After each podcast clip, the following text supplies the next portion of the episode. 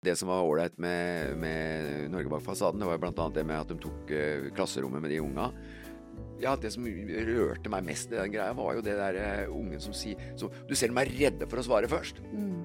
Livredde for å svare. Og så er det én som tør å si da at uh, det er ikke lett å ta opp det. For da blir du ofte stempla som dum. Ja. Det, det, burde ikke være Altså, da burde vi bare si stopp opp nå. Det er barna våre som ikke tør å, komme, som ikke tør å ytre oss fordi vi voksne har lagd et, eh, et sånn eh, krenkelses- og et slags sånn ulovlig rom da, som ikke er lov å nærme seg. Vi, vi vet jo snart ikke hvordan vi skal si ting, for at det er blitt så mange minefelt, da. Jeg kaller det minefelt ja. å gå i.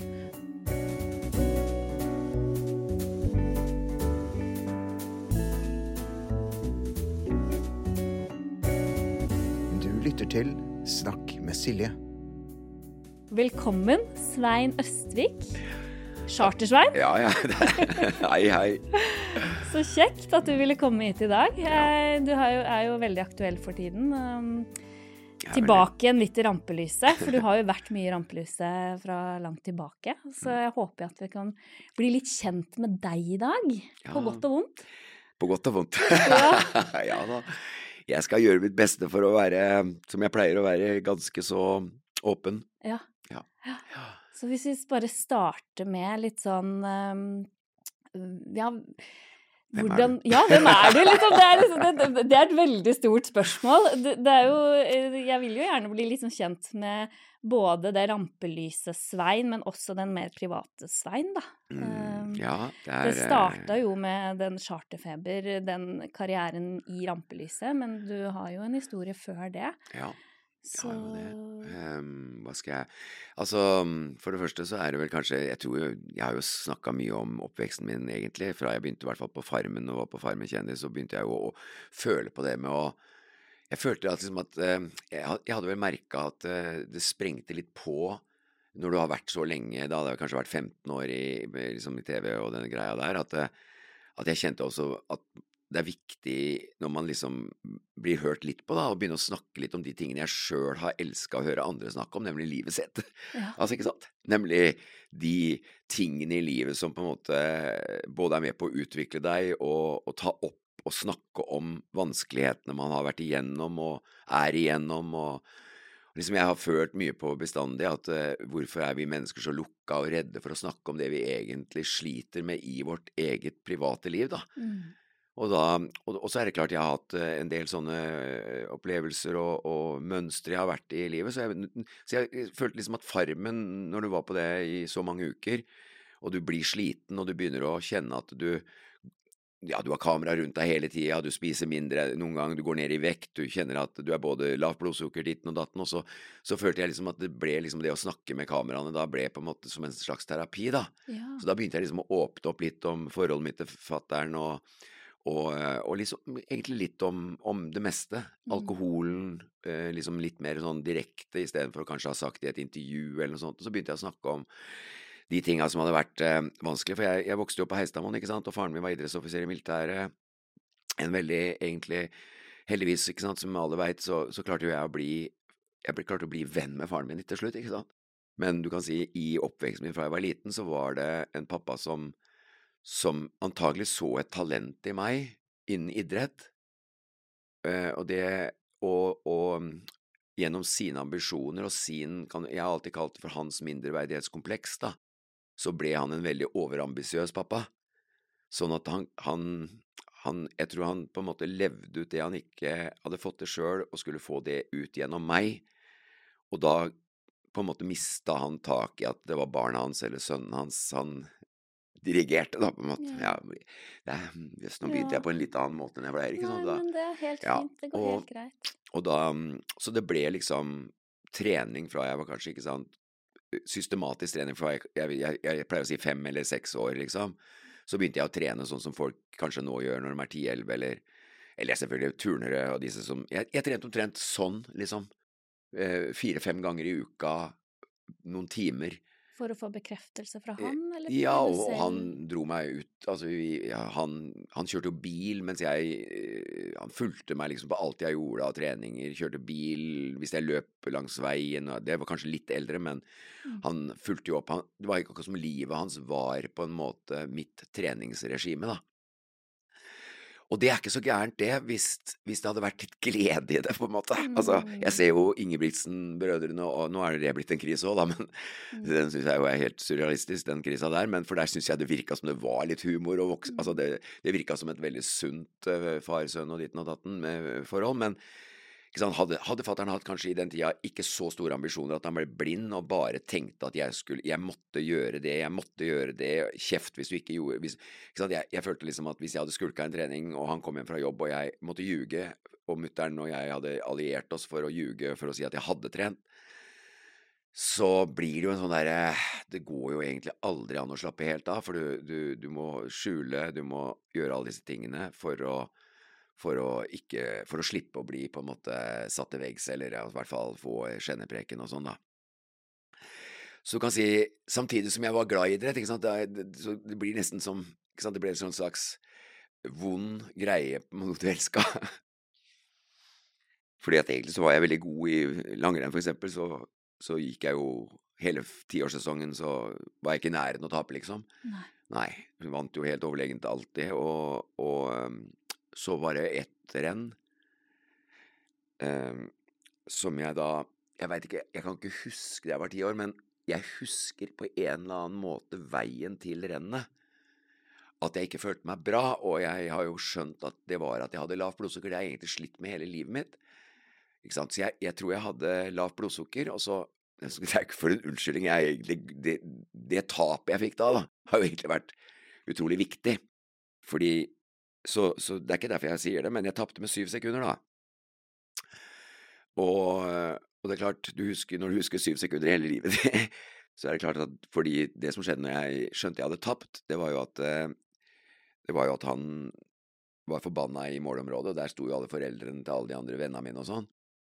Og så tar han bare og drar meg til siden, og alle står og drikker varm saft som vi gleda oss til ofte når vi var blod, når blodsmaken omtrent var i munnen. Så, så, drar han meg bare til side og så sier han eh, hva i all verden er det du har sant, gjort ute i løypa her, jeg skal vise deg. Og så to, drar han meg bare ut i løypa igjen. Og så går vi da løypa hvor han da forklarer meg hvorfor jeg tapte. Og da var jeg ti år gammel, ikke sant. Og det, det. Og det verste var jo ikke Det verste var jo på en måte jeg veit at dette er jo ikke Mange vil si ja, ja, men herregud, ikke sant. Men det er den ydmykelsen som jeg har vært opptatt av, og krenkelse. ikke sant. For det, det er klart, når vennene ser at alle står der og blir, har blitt nummer fire og fem og seks og sånn, og, og noen har blitt nummer ti og tolv og 15, og så får de omsorg og, og pledd over seg og drikker varm saft, og så da var jeg fikk jeg høre at uh, hvorfor fjæra du ikke av her i det staupet, altså hvorfor, for å mm. trykke ned på, ikke sant, for å skape fart og sånn.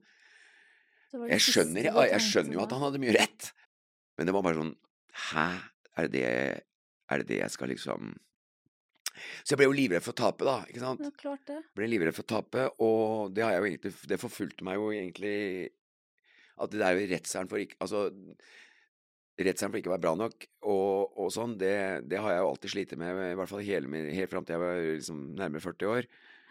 Og kanskje enda lenger. Jeg, liksom, men men sånne krenkende greier, for jeg vet at krenkelse, det har jeg skjønt, jeg har jo gått i terapi i mange år, og det vi snakka mye om, var jo krenkelsen som fattern hadde, hadde på en måte satt i meg, som gjør at eh, jeg tror det er et utrolig viktig tema for menn og sitt forhold til fedre, for det merka jeg jo når jeg begynte å snakke om disse tingene i Farmen kjendis, så merka jeg at jeg fikk så mye på innboksen min om nettopp det temaet, ikke sant, denne underdanigheten for autoriteten pappa, og som jeg aldri fant liksom i løpet av hvert fall min uh, ungdom og, og, helt til jeg ble nesten godt voksen, så skjønte jeg ikke hvordan skal jeg angripe det, liksom, for å komme ut av og videreføre den krenkelsen.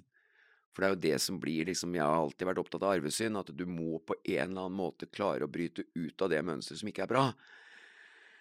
Så det som jeg gjorde, da, det var jo at jeg, jeg hadde Jeg skjønte jo at alkohol var når, når, jeg begynte å bli 15 år, liksom, så selv om jeg var fortsatt utrolig aktiv til å trene Jeg trente jo like mye selv om jeg begynte å drikke. Så trente jo jeg mer enn alle andre, selv om jeg kanskje drakk også mer enn alle andre. Og det var jo liksom en sånn kombinasjon ved siden av søvnløshet som gjorde at jeg etter hvert skjønte jeg jo at eh, jeg presser kroppen min veldig hardt, ikke sant? sover dårlig og er litt for glad i å drikke eller feste. Det var jo bare fest i den tida, men det ble ofte to ganger i uka ganske fort. Og når du liksom skal prøve å hevde deg på nesten toppnivå i, i, i Norge, da, i hvert fall i langrenn, som er eh, kjempenivå Jeg gikk jo mot Pål Gunnar Mikkelsplass og sånn, som, som, nesten ble verdensmester for senior som junior. Wow. Ja, han ble nummer to i VM som junior, siste års junior. Så det er klart å holde det nivået der når du i tillegg er glad i å drikke, det er ikke lett. Så jeg skjønte jo at jeg Jeg skjønte jo at langrenn klarer jeg ikke å kombinere med den livsførselen som jeg etter hvert utvikla, da. Og fattern var jo også fly forbanna på det. Han visste jo ikke at jeg drakk antakelig, eller ville ikke se. Ikke sant? Så han klarte jo ikke, han gikk jo rundt, og det også var sånn, han gikk jo rundt på byen og skrøt av meg, for det, jeg var kanskje best, en av dem som alle visste om var god idrett, av både fotball og langrenn. Så han gikk jo og skrøt, da. At ikke sant, jo, Han gikk og skrøt at sønnen var, hans var perfekt, og så visste en god del av dem Å ja, da har du ikke sett ham natterstid. Nei, så, men hva var grunnen til at du begynte å drikke så tidlig da? Var det liksom en... Jeg er veldig enig i dem som sier at når du får en utrolig førstegangsopplevelse Altså Første gang jeg drakk øl, det var på Norway Cup omtrent. ikke sant? Det var på et idrettsarrangement hvor jeg tok tre eksport eller noe sånt, og så, jo, så ble jeg liksom helt uh, utrolig sånn utadvendt. Altså, jeg var jo egentlig utadvendt, men da ble jeg kanskje ja, da følte jeg liksom at jeg kunne snakke med alle, og, og fikk en sånn utrolig greie at det, det var utrolig deilig, å, og, liksom følte jeg ble klokere. Det også er jo den greia at du føler at du blir smartere, og at du har mer tilgang på ting, og den er jo egentlig slitt med hele livet. Jeg føler jo nesten at det er sant fortsatt. Mm. Mm. At man liksom får tilgang på litt mer, eh, i hvert fall til en viss grad. Altså, jeg pleier å si at det beste promillen er 0,7. For den er, det er kunstnerisk promille, på en måte. Eh, over det så bikker det. Men, eh, men, den sliter jeg med å være helt uenig i nesten den dag i dag. Eh, men uansett så veit jeg jo at alkohol har såpass mye negative sider at jeg er veldig glad at det er veldig sjelden jeg har Det er mye sjeldnere jeg har 0,7 også nå enn før.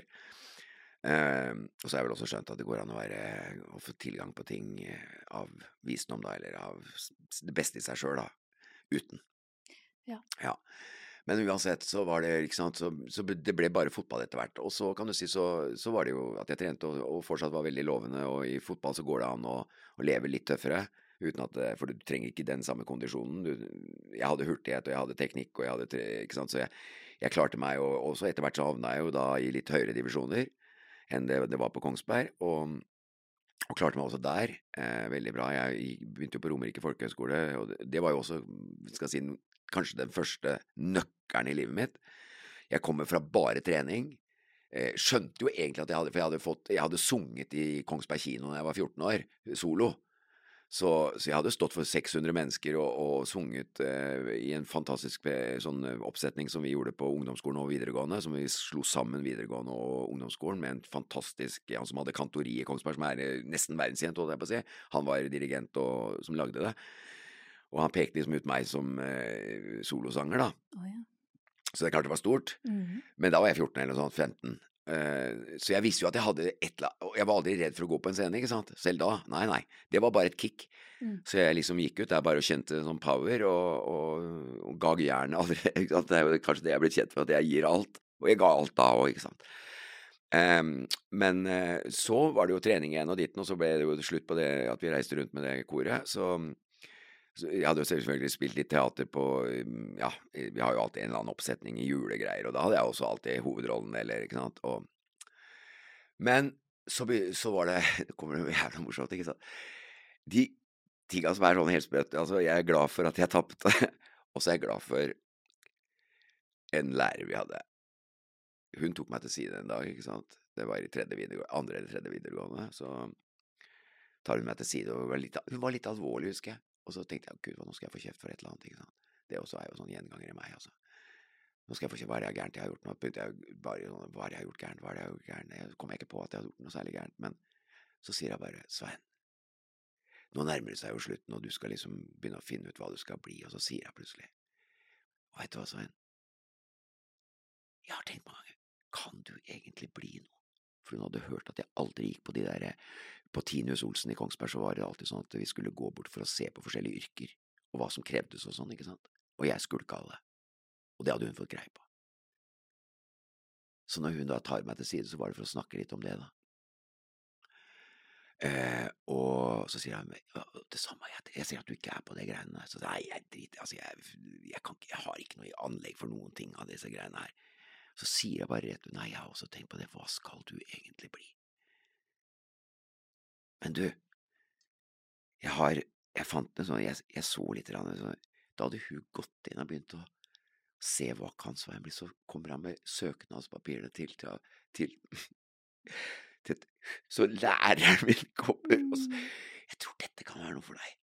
Romerike folkehøgskole, det er en jævla bra teaterlinje der. Det er det, det er den beste. Ja, der tror jeg du skal søke. Så skal jeg legge med litt gode på om at du, du har litt talent for å stå foran en. Du, du snakker jo i timen her, selv om du ikke har lest så har jo du et eller annet rart i samfunnsfag og sånn, så begynte jeg å prate. Jeg hadde jo ikke lest lekser i hele mitt liv, ikke sant, men jeg prata jo om et eller annet tema uansett. Mm, mm. Så Så hun så deg? Ja, og hun så meg på Hun heter Tuva, Tuva, hvis du hører en gang, øh, du har vært viktigere enn du aner.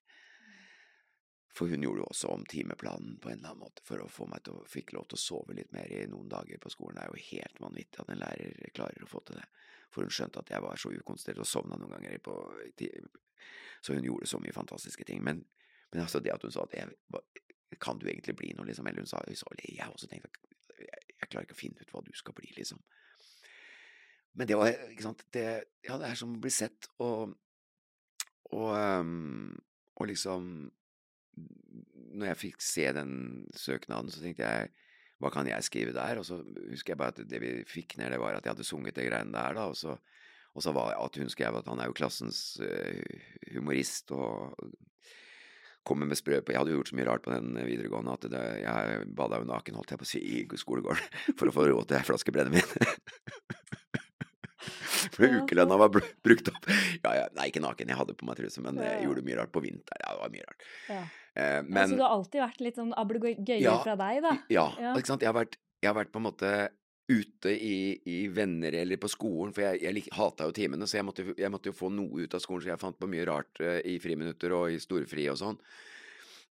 Men, uh, men, hjemme var jeg kua, ikke sant. Der turte jeg ikke å, å, gjøre noe annet enn det jeg Der var jeg en lydig Der var jeg en lydig gutt, altså. Og redd uh, og engstelig, og Eh, men veldig annerledes, ikke sant. Og, og, klarte vel på en eller annen måte å få folk til å tro at eh, alt var bare velstand, bortsett fra hullet her inne, ikke sant. Som, så, som, som, skjønte et eller annet som ingen andre hadde gjort. Jeg, og det, det, er derfor jeg sier at hun, hun, har sånn, hun, har en sånn, nøkkelrolle i det å se andre mennesker, ikke sant, som jeg heldigvis har klart å føle at jeg er blitt ganske god på sjøl. At jeg bryr meg om jeg bryr meg om mennesker som sliter. og kjenner det liksom på meg, og det, det, følte jeg hun lærte meg, på en måte. Fordi hun tok tak i noe med søvnproblemene mine, ikke sant, som jeg aldri hadde Tror ikke jeg delte det på fest engang, liksom. For det var så skamfullt at jeg ikke sov, og det var, det var ingen, som, ingen, som, hadde trodd på meg heller, for i og med at jeg var god i idrett, så er det vanskelig å tro at du ikke sover. så det men jeg har også skjønt noe av disse tingene, det er jo at vi mennesker har så mye, mye mer kapasitet enn det vi blir lært opp til å tro. Vi har, vi har rom som ikke åpnes. Så jeg liker ikke å høre at det er skummelt, eller at det du må ikke Altså, drikking er greit, det har jeg skjønt sjøl, men alle disse tingene som er så farlig, hvorfor skal vi få greie på at det og det er så farlig? Da blir det farlig.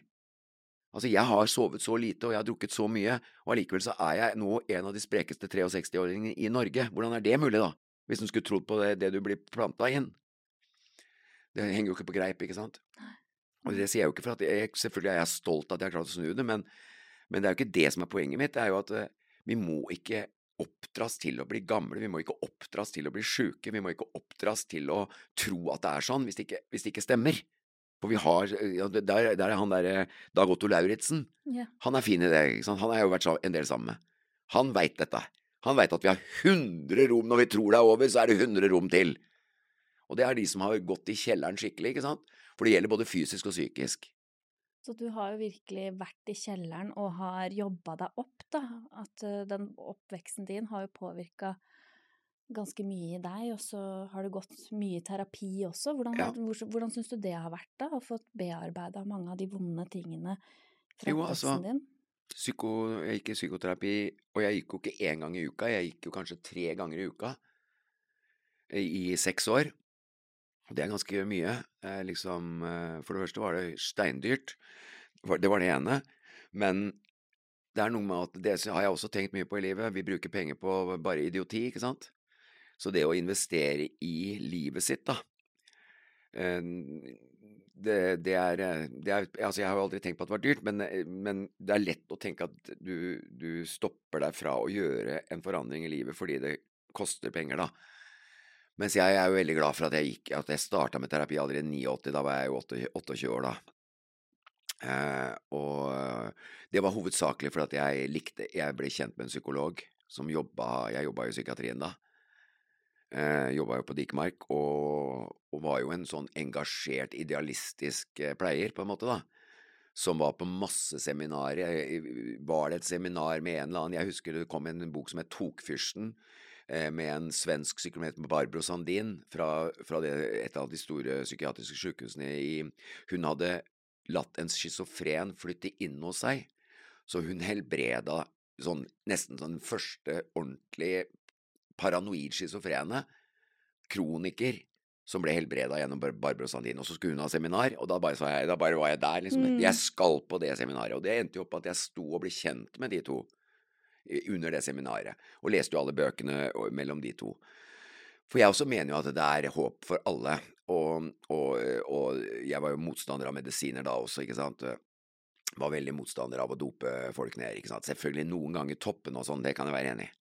Er det helt ekstremt, så må man ha noe beroligende på en eller annen måte, men, men i hovedsak å medisinere mennesker bort fra personligheten sin og ikke skjønne at det, det, psykoser er at du er sprengt følelsesmessig på en måte. Altså, du har hatt for mye belastning mentalt til å orke det, og så skaper du deg en verden som du kan leve i, på en måte. Eller du skaper deg de fryktbildene som på en måte blir som et symbol på hvor vondt du har det, på en måte. Eh, og det går an å gjøre noe med, ikke sant? for det går an, å, det går an å, å, se et menneske lenge nok og gjøre det trygt nok og, og respektfullt nok. Men det er klart, du må, det krever jo mye. Men hun hadde da gått den veien med, med han Jeg husker ikke navnet på han, dessverre. Det er jo 40 år snart, eller 35 år siden. Men Barbro Sandin husker jeg. Eh, og Tokfyrsten var ei kjempebok som gjorde Så jeg har vært på mye seminarer og var sånn sant, den idealistiske typen, og i perioder så var det et fantastisk miljø på det stedet. Jeg, det varierte veldig. Men i perioder så hadde vi et bra miljø, da.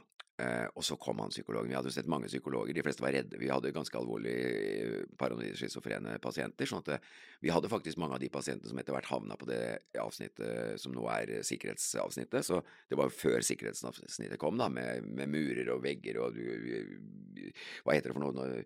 Altså som et fengsel, da. Ja, ja. Det, ja. Så, så, det, så, vi overførte jo folk dit. Sånn at vi, og vi var tre stykker på seinvakt, liksom, og det, på det avsnittet så var det elleve på syv pasienter, og vi hadde tre på 15. Ja, så du kan si at hvor, hvordan er verden er Der er vi igjen. Bare se. Det jeg snakka om i stad, vi, vi, vi, tåler mye mer. Vi klarte oss helt fint med tre. Og hva tror du er grunnen til at vi klarte oss med tre? Jo, fordi det var litt mindre provoserende for pasientene. Ikke sant. Jeg har jobba i sikkerhetspsykiatrien ja. selv, og ja. det er jo noe med det. Jeg husker at det var mange som ble, de var veldig på det at ok, men eh, Silje, du, du, du er så mild og, ja. og, god, så du er ikke så provoserende for disse. ikke sant? Ja. Så jeg ble ofte egentlig de mest farlige, da, de, de i gåseøyne. Ja ble jo eh, Følte seg mindre trua av en eh, ung kvinne, ikke sant? For hvis du har bare sånne store muskelbunter, så er det jo klart at hvis du, du er jo, er jo ofte, De er jo ofte veldig redde. Og du signaliserer jo liksom at gud og farlig jeg er som å ha elleve broilere. Ikke sant? Ja, det er jo så, Men uansett, jeg skjønner jo mm. Vi, vi skal selvfølgelig ikke Man skal ta hensyn til sikkerhet nå, selvfølgelig, ja. for de ansatte. Men, ja da, det er en balansegang, de greiene. Men det var jo ikke mm. det som var hovedpoenget mitt. Det var mer at eh, så, så, jeg hadde jo sett mange psykologer som hvis det skulle være samtaleterapi, for eksempel, da, så, så sto vi utafor, eller kan, noen ganger så var vi med inn for å, for å gjøre psykologen trygg. Og så får vi plutselig en psykolog som bare sier Som hadde det synet. Nei, nei, nei. Ja, men det er, den, det er liksom den farligste pasienten. Ja, men nei, nei. Alltid. Han, han, gikk ofte inn når pasienten var på sitt verste, hvor vi egentlig, de fleste av oss, ikke turte å være ute i avdelingen engang. Da gikk han bare aleine inn, og så gikk det ett minutt, 30 sekunder, så var det helt rolig. Hver eneste gang. Så tenkte jeg, hva er det den mannen har Og da tenkte jeg hvis jeg skal gå i terapi noen gang, så skal jeg gå, med, gå hos han. Og det gjorde du? Ja, ja. Så begynte jeg hos han. Og det var helt fantastisk. Og altså Det første han sa da Ja, nå skal jeg Jeg kan godt ta det. Eh, når jeg kom av første timen, så sier han hva jeg Han kjente meg jo, men vi har jo ikke personlig kjent, men, det, men han, hadde, han, hadde, nok lagt merke til meg på jobben, for jeg var jo sånn ivrig. Svein, ja, du kommer til meg, du, ja, hva, ja men du, ja, jeg drev jo med idrett da, jeg var jo spilte på A-laget Asker, liksom. Eller nei, jeg hadde slutta med det, for jeg brakk jo ankelen. Ja, det var rett etter at jeg hadde spilt på A-laget Asker, og, og, så var jeg spillende trener i litt lavere divisjoner, for jeg hadde brakk jo ankelen i 84-85 eller noe sånt, så det var litt etter det. Ja, det men, er, men, jeg var jo sprek liksom, og var tre, spillende trener. Han visste jo at jeg var litt sånn rebell òg, så jeg, jeg har jo egentlig aldri vært helt stuerein. Men, eh, men så, så sier han hva er grunnen til at du kommer hit? Og så sier jeg det at for jeg sliter med utroskap. Det var, så, og så ble det helt stille.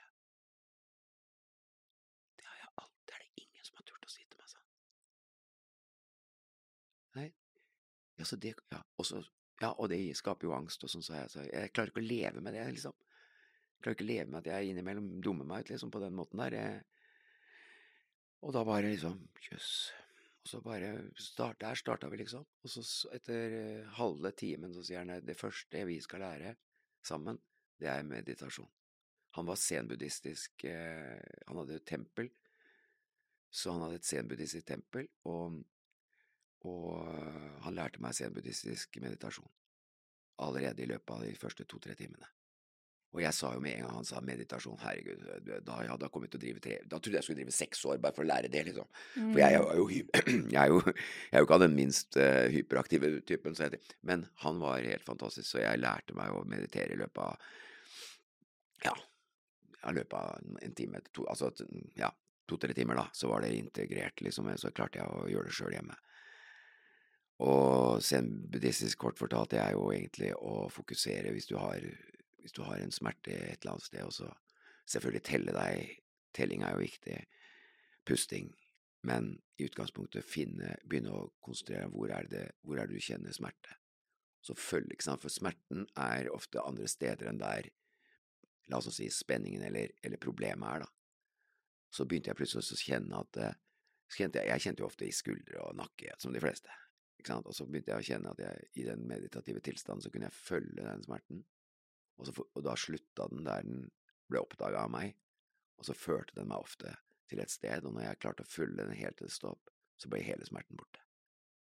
Så zen-buddhistisk meditasjon er veldig nært inntil Silva, HC Silva sin greie, ikke sant, Silva Ultramind, som jo også går på omtrent det samme. Det er jo healing av seg selv. Okay, ja. Ja. Det er egentlig veldig nært. Det er bare at det, i zen-buddhismen så er det mer velvære, da, kan du si, mens eh, Silva tar det litt lenger. At du kan faktisk fjerne betennelser ditten og datten og alt mulig gjennom den type meditasjon, da. Så jeg har jo gått kurset med Silva Ultramain også, og blitt instruktør i Silva Ultramain, for HC Silva traff eh, veldig når jeg Men det var mange år seinere, det var jo etter at jeg ble 50 år. Men eh, det var starta jo med den psyko psykoterapien. Så du har virkelig vært i en prosess, da, og, og, jobbet mye med deg selv, og blitt bedre kjent med deg selv, ja. og forstått mer av kanskje de alkoholproblemene du utvikla, ja. og, og, mye av den angsten du kjente på som var med deg fra barndommen? Ja, altså, de seks åra der var jo eh, Ikke sant, igjen, ville aldri vært uten. Det var ikke alt som gikk på skinner der, altså. Men det får vi heller ta en annen gang. Men, men, i utgangspunktet så var det utrolig viktig. For liksom det var jo å begynne å rette fokuset innover. Jeg hadde levd veldig utadvendt, og selvfølgelig hadde jeg hatt tanker, men her ble det plutselig mer å gå inn i virkelig mønstrene, virkelig smertene, og så han var uh, utrolig viktig, de åra var utrolig viktig, og, og, gjorde at jeg kunne videreføre. Men det er klart, jeg klarte ikke Jeg er ikke en sånn person. Det er mange som sier at det, liksom Jeg har tenkt mange ganger hvorfor klarte ikke jeg å gjøre en stor forandring når jeg fikk så god hjelp, på en måte? Ja. For, jeg, ja, for jeg klarte jo ikke det. Nei. Jeg, jeg måtte mange nye runder inn i selvdestruktive ting. Uh, gjentagelsestvang, ikke sant, det er jo et, uh, et ord i, psyki i, psykologibøkene, ikke sant. Uh, projective identification, disse, Gjentagelsestvangen skjønte jeg med en gang, den gjelder jo meg. Jeg går jo inn i det samme mønsteret gang etter gang etter gang. Men så begynte jeg plutselig også å kjenne hva er det som gjør at jeg alltid må drikke, eller alltid må gjøre de tingene som jeg vet er ødeleggende, og som drar meg ned i, i, det selvdestruktive og i det mørke rommet, da. Hva er det som gjør det? Og da begynte jeg å kjenne på at jeg tåler ikke lykke. Å nei. Jeg tåler ikke sterke følelser som er Positive følelser. som er positive med meg selv. Mm. Og det var sånn, så prøvde jeg å nevne det til for eksempel folk som drev med alkoholavvenning, ikke sant. Så, så merka jeg de tente litt på greia, men det var akkurat som det var feil å si det. Oh, ja. For det er akkurat som du ønsker at det skal være for at du skal døyve smerte eh, Du skal døyve angst, da. Det er, det er jo men, men hvor stammet angsten fra? Altså, du må gå bak, bak, bak, bak. Ja da, du døyver angst, men hva kom angsten av? Jo, den kom av at jeg ikke klarte lykke. Jeg klarte ikke å ha gode følelser, jeg klarte ikke å, å ha selvrespekt. Nei. Jeg tålte ikke da, da måtte jeg drikke for å orke å kjenne på gode følelser. Og når jeg begynte den veien, da føler jeg at jeg Da, da hadde jeg mer treff i. Da, da følte jeg at sant, Da var jeg kanskje Når det virkelig begynte å, å sette seg skikkelig, så, så var jeg da i en periode hvor jeg føler at drikkemønsteret begynte å bedre seg. Men så dukka jo omtrent Da er vi jo nesten på charterfeber, ikke sant? Ja, ikke sant? Og det er jo så jævla sprøtt at når jeg begynte å nesten, Så kom jo et program som omtrent drar meg Altså i hvert fall I gang igjen folk på det? Ja, dette, ikke sant? For jeg er jo god Jeg er jo Jeg har jo sagt at det er ikke mange som slår meg i drikking. Altså det var ikke så mange som slo meg i langrenn, men det er ikke så mange som slår meg i drikking heller når jeg var på det verste. Mm. Og det er jo det at jeg, jeg har jo hatt noen av episodene i Charterfeber som var for tørs, altså som var for fuktige, da. Men egentlig så drakk første sesongen som vi egentlig ble mest kritisert for å drikke, det var første sesongen i 2006. Da drakk vi nesten ikke, vet du. Å nei. Nei, da var vi bare adrenalin og, og Ja, altså, Mm. da var jeg så Gira Jeg var så bare, gira at vi Selvfølgelig tok vi en øl til maten og sånn, men vi drakk oss Vi var ikke i promille. Vi la oss Jeg husker vi hadde jo barn med. Men det at vi drakk øl da, og var så rare som vi var i den sesongen som Kanskje jeg syns er den beste sesongen, det er den første. Det var fordi at vi var på adrenalin. Vi var på en glede. Vi var på Ikke sant. Da var Jeg hadde endelig truffet et, et Altså, jeg, da traff jo jeg på en måte det jeg kunne bli da, ikke sant, på en måte. Mm, mm. Så jeg var eh, Så eh, Men så har vi andre sesonger hvor jeg, hvor jeg, hvor jeg på en måte plutselig hadde sklidd litt ut. Og det er klart at det, det var voldsom forandring i livet i 2006, ikke sant. Jeg var nyskilt òg, ikke sant. Så det er klart at det, en periode der i starten der så, så glei jeg litt tilbake igjen. Nok en gang gjentagelse. Altså, jeg klarte ikke å klarte ikke å mestre eh, det, det som sikkert noen vil sagt suksess, eller at jeg begynte å Gud a meg, skal jeg begynne å lykke, skal jeg begynne å få til noe i livet, liksom? For når jeg ble skilt, så følte jeg jo at Jeg var jo 43 år når jeg ble skilt, og da følte jo jeg at verden raste helt i Nå, nå, jeg jo, nå, jeg det, nå klarte jeg ikke det heller. Og følte til at jeg nå, når, du, når du er 43 og ikke har noe selvtillit, så, så, så er det er jo sånn at det, nå er det jo for seint å begynne òg. Altså, hvor skal jeg begynne nå? Jeg har ingen jobb, jeg har ingen utdannelse, jeg har ingen verdens ting, ikke sant? Og, og, og så røyk det som jeg trodde skulle bli noe, og så Og barna og alt mulig, ikke sant? Så det var Det var ikke lett. Mm. Men da dukka plutselig det opp, da. Så Som på en måte ble, som jeg sier, at eh, charterfeber var, var med på å være redning. For da fant jeg den hylla som jeg kunne Som jeg mestra, på en måte, da. Ja, så det var liksom fint for deg å, å begynne med noe eget En egen karriere, da, på en måte. Ja, jeg klarer jo ikke å bruke ordet engang, karriere, for at jeg ja, jeg føler at jeg aldri, akkurat som hun læreren sa til meg, jeg har aldri hatt ambisjoner. Jeg har aldri hatt, jeg har aldri hatt noe som har trigga meg av noe som helst. Ikke utdannelse, ikke Jeg har bare tenkt Når jeg leste autodidakt i Per Gynt Jeg spilte jo Per i Per Gynt på Romerike, forresten, fikk jo hovedrollen der. Ja. Og da var det autodidakt. Det er jo et, ikke sant? Han var jo en slags autodidakt, og jeg elska det ordet, da. Jeg har alltid elska å skjønne en bok før jeg leser den. Ikke sant? Eller ikke skjønne hele boka, men Oi, den er interessant, for det som treffer, det, har du klart å finne ut sjøl. Altså som filosofi, hvorfor skal vi bare lese oss ikke sant? Faren ved å alltid bare lese andres forståelse av verden, det er jo skummelt. For da, da, hvordan skal verden gå videre hvis vi bare skal ta de som ja, Selvfølgelig, de, noen har funnet ut så mye at det ikke er så vits i med så mye mer, men det er jævla deilig å ha funnet ut ting sjøl uten å ha lest det. For da, for da gir det en gjenkjennelse, det gir også en selvrespekt, da. Oi, ja, Kjente du deg igjen i den rollen?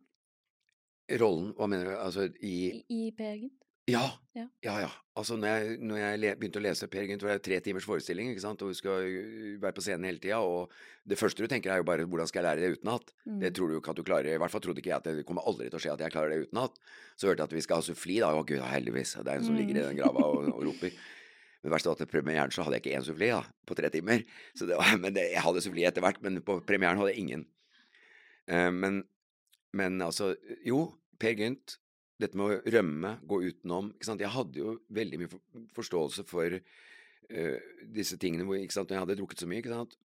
Allerede da, hadde jeg, når jeg var 20 år, så hadde jeg jo skjønt at jeg hadde et drikkeproblem. Altså, jeg har ikke skjønt sånn at jeg sa at jeg hadde et drikkeproblem, men jeg visste jo at jeg hadde altfor lett for å ty til det. Så liksom det med å, å, å flykte, da. Også det med damer, ikke sant. Eh, eh, aldri klare å tro at jeg er bra nok. Det er jo ofte det utroskap er, men eh, ikke sant. Hva er det det er? Jo, hvis du Jeg har sagt mange ganger, og jeg står for det fortsatt, jeg.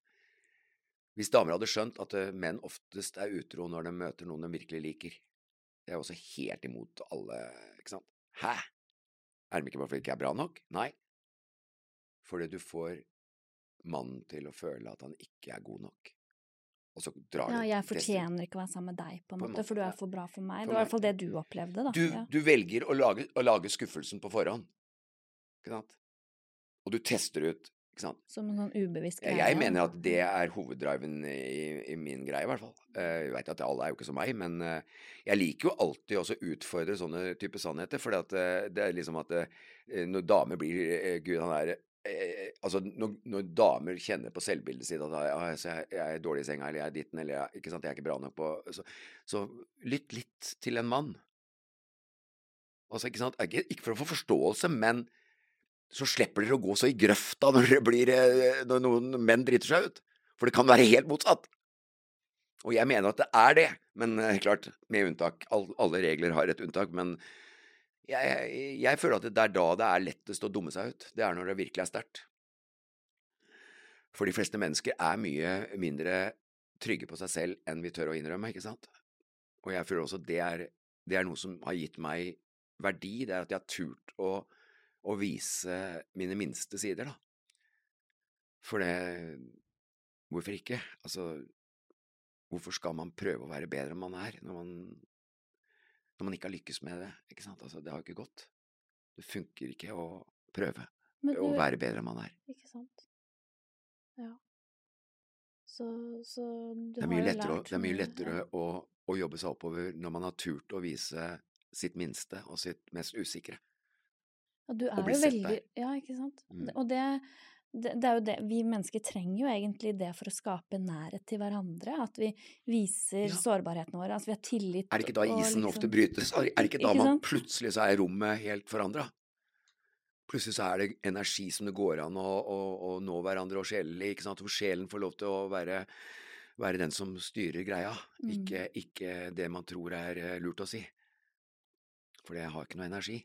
Det er noe med det. Det, Mm. det, det ekte er det som bringer oss nærme hverandre. Så, Mm. så det fikk jo du lære etter hvert. Ja, og det starter liksom med disse øyeblikkene, disse små tingene, læreren som sier det, eh, psykologen som jeg så hadde noe som jeg ble nysgjerrig på, hva i all verden er det han gjør? Og det han, det han sa når jeg spurte han om det, hvordan klar... Jeg tør å sette ord bak psykosen. Han snakka grunnen til psykosen til. Det er sånn for det var det ingen som hadde gjort. Ikke sant? Han visste jo at den personen som er psykotisk, det er ingen som har turt å si Han turte liksom å Han visste litt på en måte at eh, det er ikke noe farlig om jeg bommer litt, for han kjenner omsorgen jeg prøver å sende. For jeg prøver å forstå hvor det starta. Så han kunne sette ord på grunnene. Ble du så lite sett? Det var ikke, det var ikke nødvendigvis synsk, ikke sant? Det var mer Han turte å snakke bak det som skapte psykosen. Stikke hull på, på en måte. Mm, mm. Og det For det er mye symbolsk i det, de som har en psykose. Ja, De forestillingene de har gjort seg, da. At det, det kommer jo fra et sted. ikke sant. Det er ikke alltid tilfeldigheter, på en måte, som mange kanskje tenker at det er. Hvis du leser det- journaler i, i tung psykiatri, så er det stort sett eh, ganske vonde ting som har eh, ja, mye. Det er derfor jeg sier med ydmykhet når jeg sier krenkelseforfatter. Jeg, jeg vet selv at jeg har hatt en snill barndom. Jeg hadde jo en god pappa, det viste seg til slutt, ikke sant. Det er mange som ikke har en god Det er mange som aldri får se noe kjærlighet. Og det, og det har jeg så respekt for. Sånn at jeg, jeg forteller min historie ut fra at det var nok til at jeg hadde det vondt. Eh, men jeg veit at det er folk som har opplevd helt vanvittig mye mer grusomme ting. Men man skal heller ikke kimse av, ikke sant, når vi snakker om traumer, for eksempel. Da, ikke sant? Traumer kan være mye annet enn et seksuelt overgrep. Mye annet enn å få juling. Absolutt. Traumer kan skapes av avvisning som tilsynelatende kan virke. Jeg tror veldig mye dreier seg om hvis du aldri ikke sant, Hvis et barn La oss si hvis du har noe viktig på hjertet med kjæresten din, og han overhodet ikke ser det. Hvis du har null år eller ett år, og du har noe viktig, og du aldri blir sett, selv om det bare er en, at du snur ryggen til, at mamma eller pappa snur ryggen, så er det, så er det med på å skape en avvisningsproblematikk. Selvfølgelig. Ja. Så det er jo egentlig bare å kjenne på seg selv hvor, hvis man sitter i, med rødvinen sin og, og, og, har noe som er viktig i forholdet, og du, og du ikke når i hele tatt fram, så kjenn hvor såra du blir. Mm. Som voksen. Ja, ja. Og barn trenger å bli sett. Det er jo et av våre viktigste behov generelt i livet, og Ja, ja. kommer alltid til å være det. At, at, eh, at andre anerkjenner dine følelser og behov, da. Og Ja. et barn som ikke får møtt behovet for å bli sett og anerkjent Ja. og, og få hjelp til å håndtere sant? Det livet. er, jo, det er jo helt store mangler som man Ja, kan oppleve. og det har jo igjen med liksom Hva er det, hva er det foreldre sliter med? Og de, de, altså, dette med å, å være opptatt mer av hvordan fasaden er, hvordan, hvordan det virker som vi fungerer som familie, istedenfor å la det få lov til å utvikle seg. En unge griner. En unge skriker. Også i Kiwi-køen. Mens vi er liv... Å, gud, tenk om Da virker vi Og vi har jo ikke, vi har ikke oppdragelse. Altså, skjønner du? Mm, mm. Men det er jo helt naturlig at unge griner. Han har kanskje sett noe han hadde lyst på på ei hylle der. Altså, og hvorfor er vi ikke rause nok til å si ja, men der griner ung Altså, hvorfor er, Mm. hvorfor er vi ikke sånn? Hvorfor står hele foreldre da og føler seg dumme, og lar det gå utover ungen? Som er helt uskyldig. Det er de voksne som hele tiden bare lager sine rare regler ut ifra utilstrekkelighet. Og så sender vi hele utilstrekkeligheten over på barnet. Projiserer vår egen utilstrekkelighet istedenfor å si det er ikke din skyld, så nå er mamma litt, nå er mamma inni det. Ikke sant? Altså bare gjøre det ufarlig. Ikke sant. Ja. Og du har jo gjort deg noen erfaringer med å være far selv også. Ja, du gæren? Jeg har plumpa hele tiden. Jeg fy faen. Det er jo en av grunnene til at jeg kan snakke om dette, det er jo for at jeg har heldigvis turt å se tilbake igjen på alle fadesene og alt det dårlige jeg gjorde. Og, så, og det er også liksom at eh, vi, vi som foreldre, ikke sant, hvis du tenker deg at en del eh, barn og ungdom og sånn, de, de, de ønsker jo på en måte å rettferdiggjøre noe av det som har skjedd i oppveksten, og, og veldig mange foreldre har en tendens til å gå rett i, i forsvarsposisjon, ikke sant. Hvor utrolig viktig det er å tørre å gå inn og innrømme noe, sånn at du kan ikke sant, Dette med å prøve å få rensa ut vanskelige mønstre som har opparbeida seg. Sånn som jeg sa, jeg, må, jeg, jeg kan ikke være en liten gutt i hele mitt liv hjemme hos mamma og pappa. Jeg må på en måte et eller annet sted tørre å vise at jeg, at jeg trår ut og vil leve mitt liv. Og den følelsen er liksom alltid å bare tilpasse seg nesten å være den lille jenta eller den lille gutten hjemme hos eh, mamma og pappa hele livet, fordi du ikke tør, ikke sant. Og, og Mm. det, det gjør jo seg utslag i at selvstendighet og, og den hvem er jeg, blir får, I hvert fall ikke får vokse til sitt beste potensial, da. Og det, og det har sammenheng med disse tinga, ikke sant. At, eh, at vi, må, vi må skape et rom for sånne type ting. Og vi må gjøre, gjøre det mye mer ufarlig å snakke om om det vi egentlig savner, ikke sant.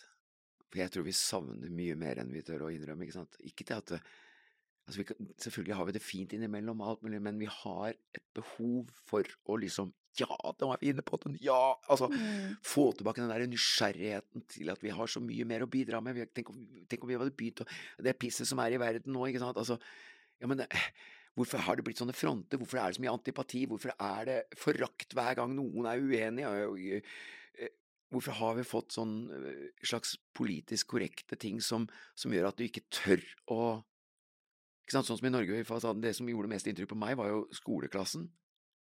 Hvor, hvor de sier at nei, du, de tør ikke å si noe når du er 12-13-14 år om for eksempel vaksinen, for da blir du stempla som dum.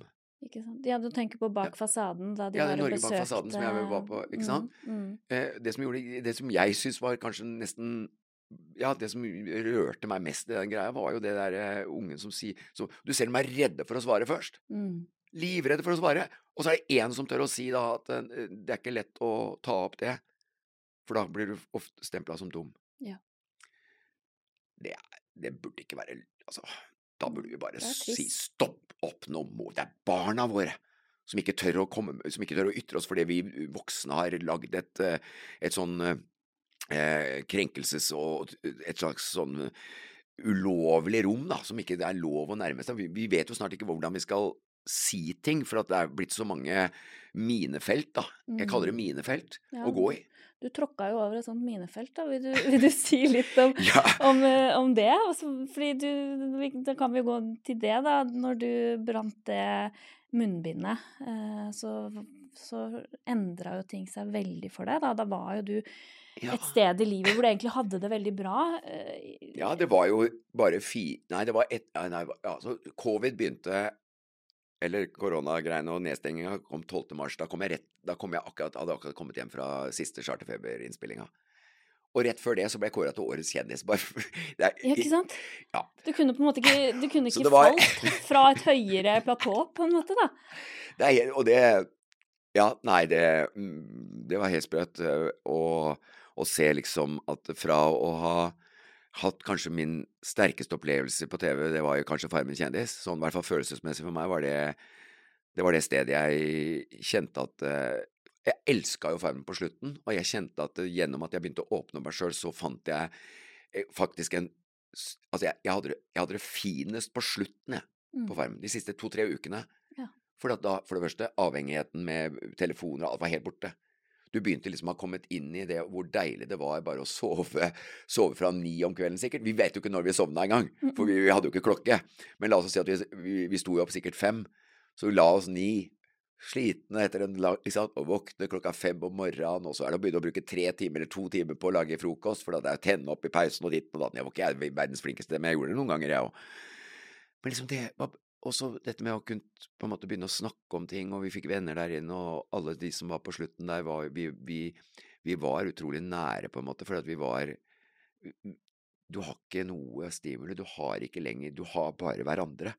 Så vennskap eller sånt med han, han samen og jeg ble jo veldig glad i hverandre, og og Tiril også, selvfølgelig, som jeg var venn med helt fra starten. Tiril Sjåstad Christiansen var helt Så vi hadde en sånn bånd som var helt enorme. Og så hadde jeg da terapitimen med, med kamera.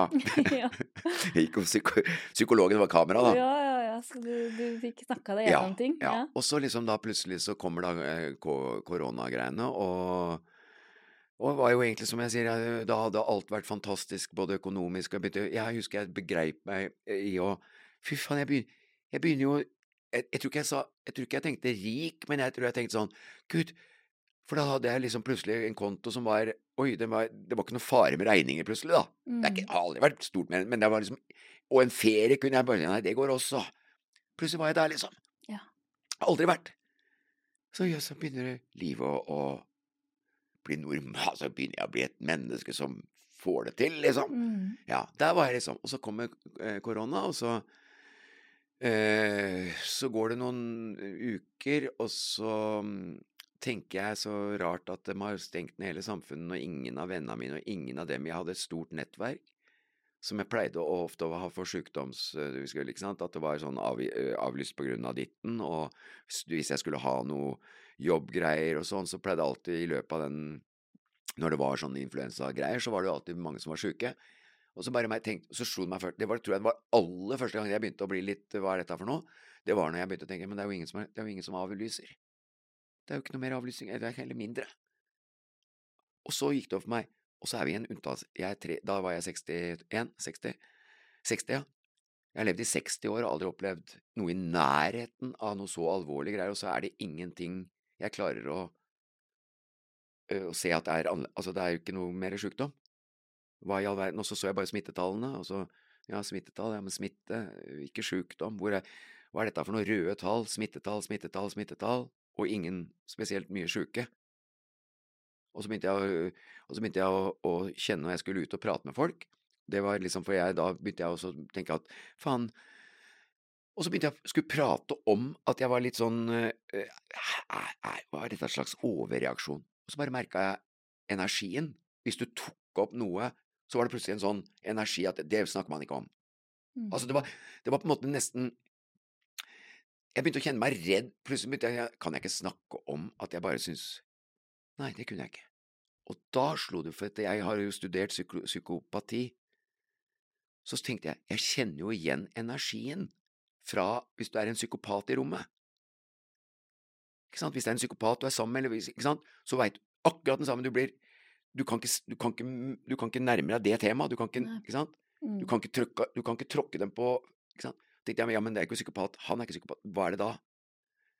Det er Da begynte jeg å tenke sånn Kan det være at det er et eller annet psykopatisk i det som skjer her nå? Altså, ikke psykopatisk, da, men Mm. er det et eller annet løgnaktig her, da? Eller Ja, er det et eller annet som skurrer? Ja, for det var noe som skurrer. Det er noe som skurrer! Mm, det, det var Ja, Nå ting- brukte jeg psykopati fordi jeg Ja, kjente igjen energien i det å bli sant? redd for å si det mest naturlige. Ja.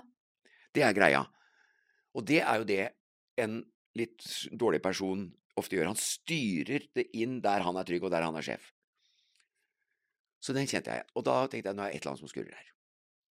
Og så Da hadde jeg jo husket på at jeg hadde ingen erfaring i noe som helst at verd... Jo, alltid kritisk til myndigheter og sånn. at det, ikke sant, Alt av disse personene opp gjennom tida som, som på en måte ikke sant, Arne, Arne Næss, når, eh, når han uh, lenka seg i, i Alta-saken på 70-tallet, eller hva, når det var, jeg tror det var 70, ja, så digga jeg jo han. Mm. Jeg digga jo alltid digga de folka som, som tør å stå for noe, ikke sant. Og Arne Næss var en sånn person.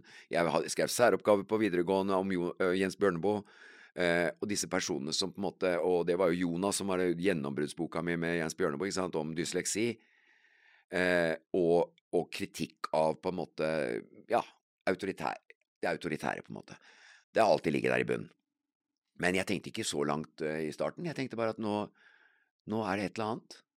Og så begynte jeg liksom å, å forhøre meg litt med folk, og begynte jeg å gå litt på nettet og leite, og så covid, og så begynte jeg å lese litt der, så synes jeg Men i utgangspunktet så, så var det ikke så I starten så var det bare sånn Og så ringte sønnen min, eh, eldste, og så sier han fatter, liksom, fatter, hva er dette for noe kødd?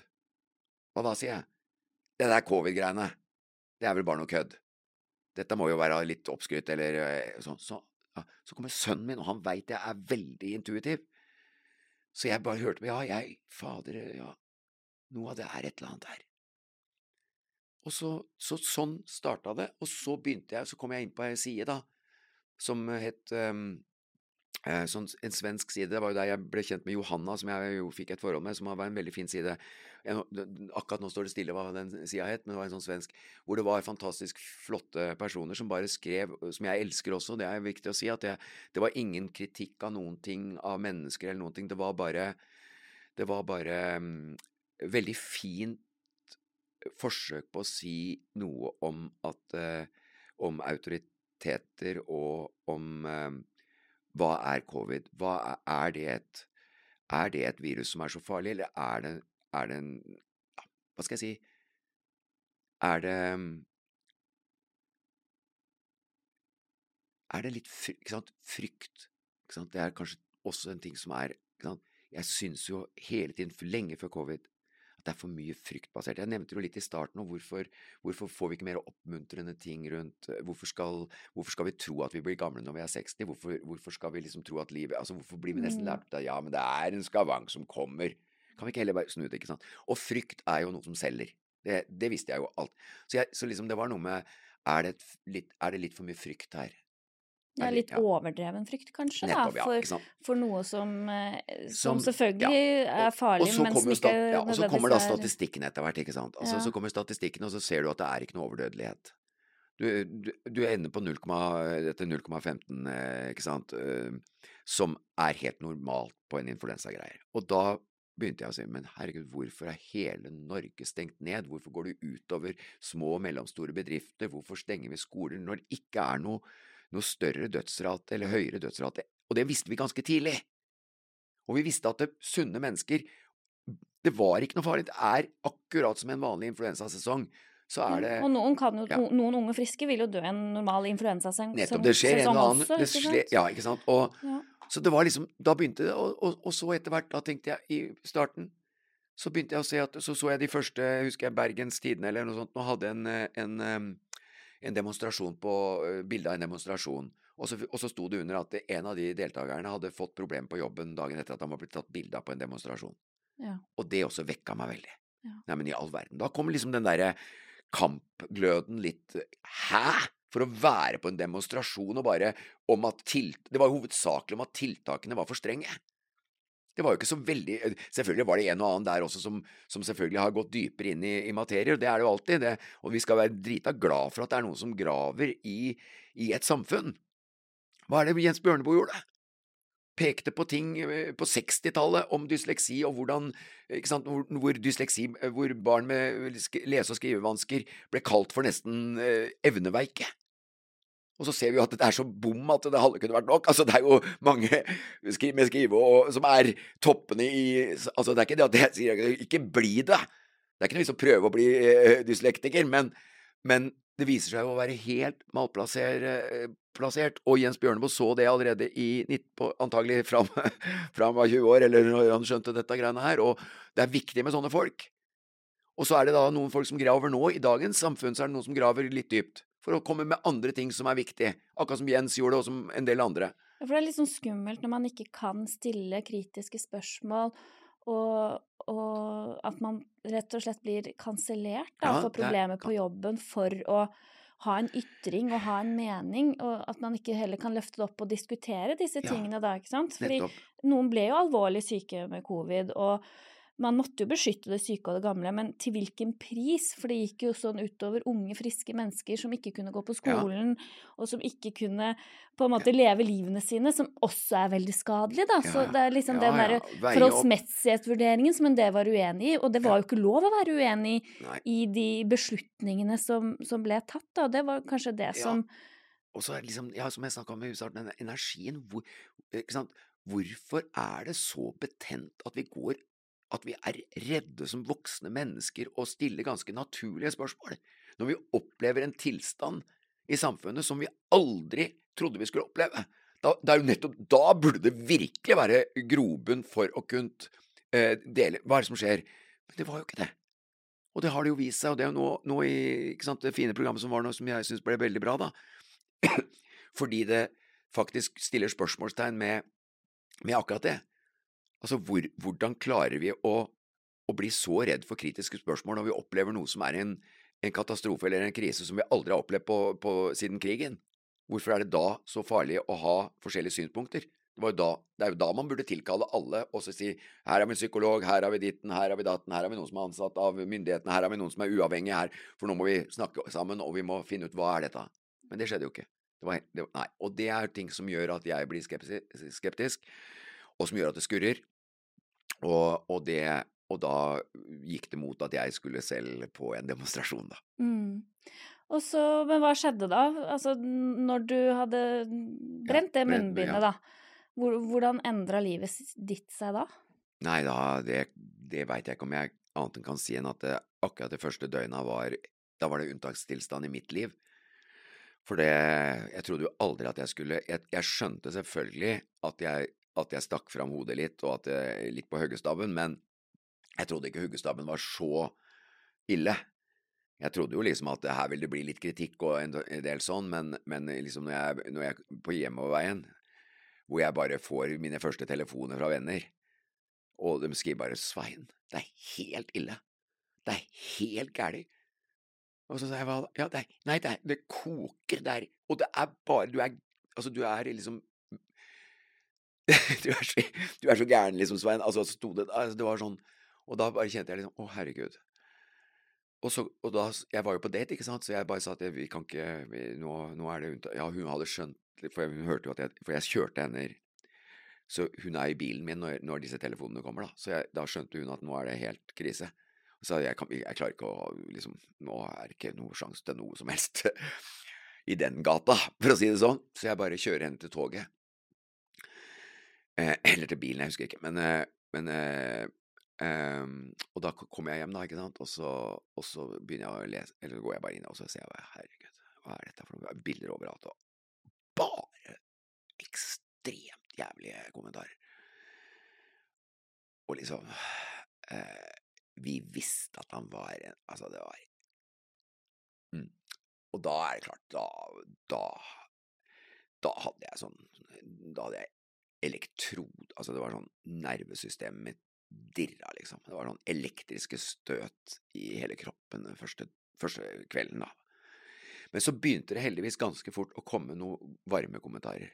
Ikke sant? Det kom nesten samtidig, men det var jo kanskje sånn 1 til 100, eller, eller 1 til 50, da, sånn omtrent da, i proporsjoner, da, men, men dem sugde jeg jo selvfølgelig tak i, da, dem som kom som var positive, og, og nervetrådene jeg, Heldigvis som jeg sier, at det er jo der jeg mener at det, at jeg har hatt så mye angst i mitt liv og hatt så mange nedturer på alkohol og sånn, så jeg kjente jo igjen nå er det bare, nå er det bare litt mer massivt, og jeg var edru, så det var forskjellen.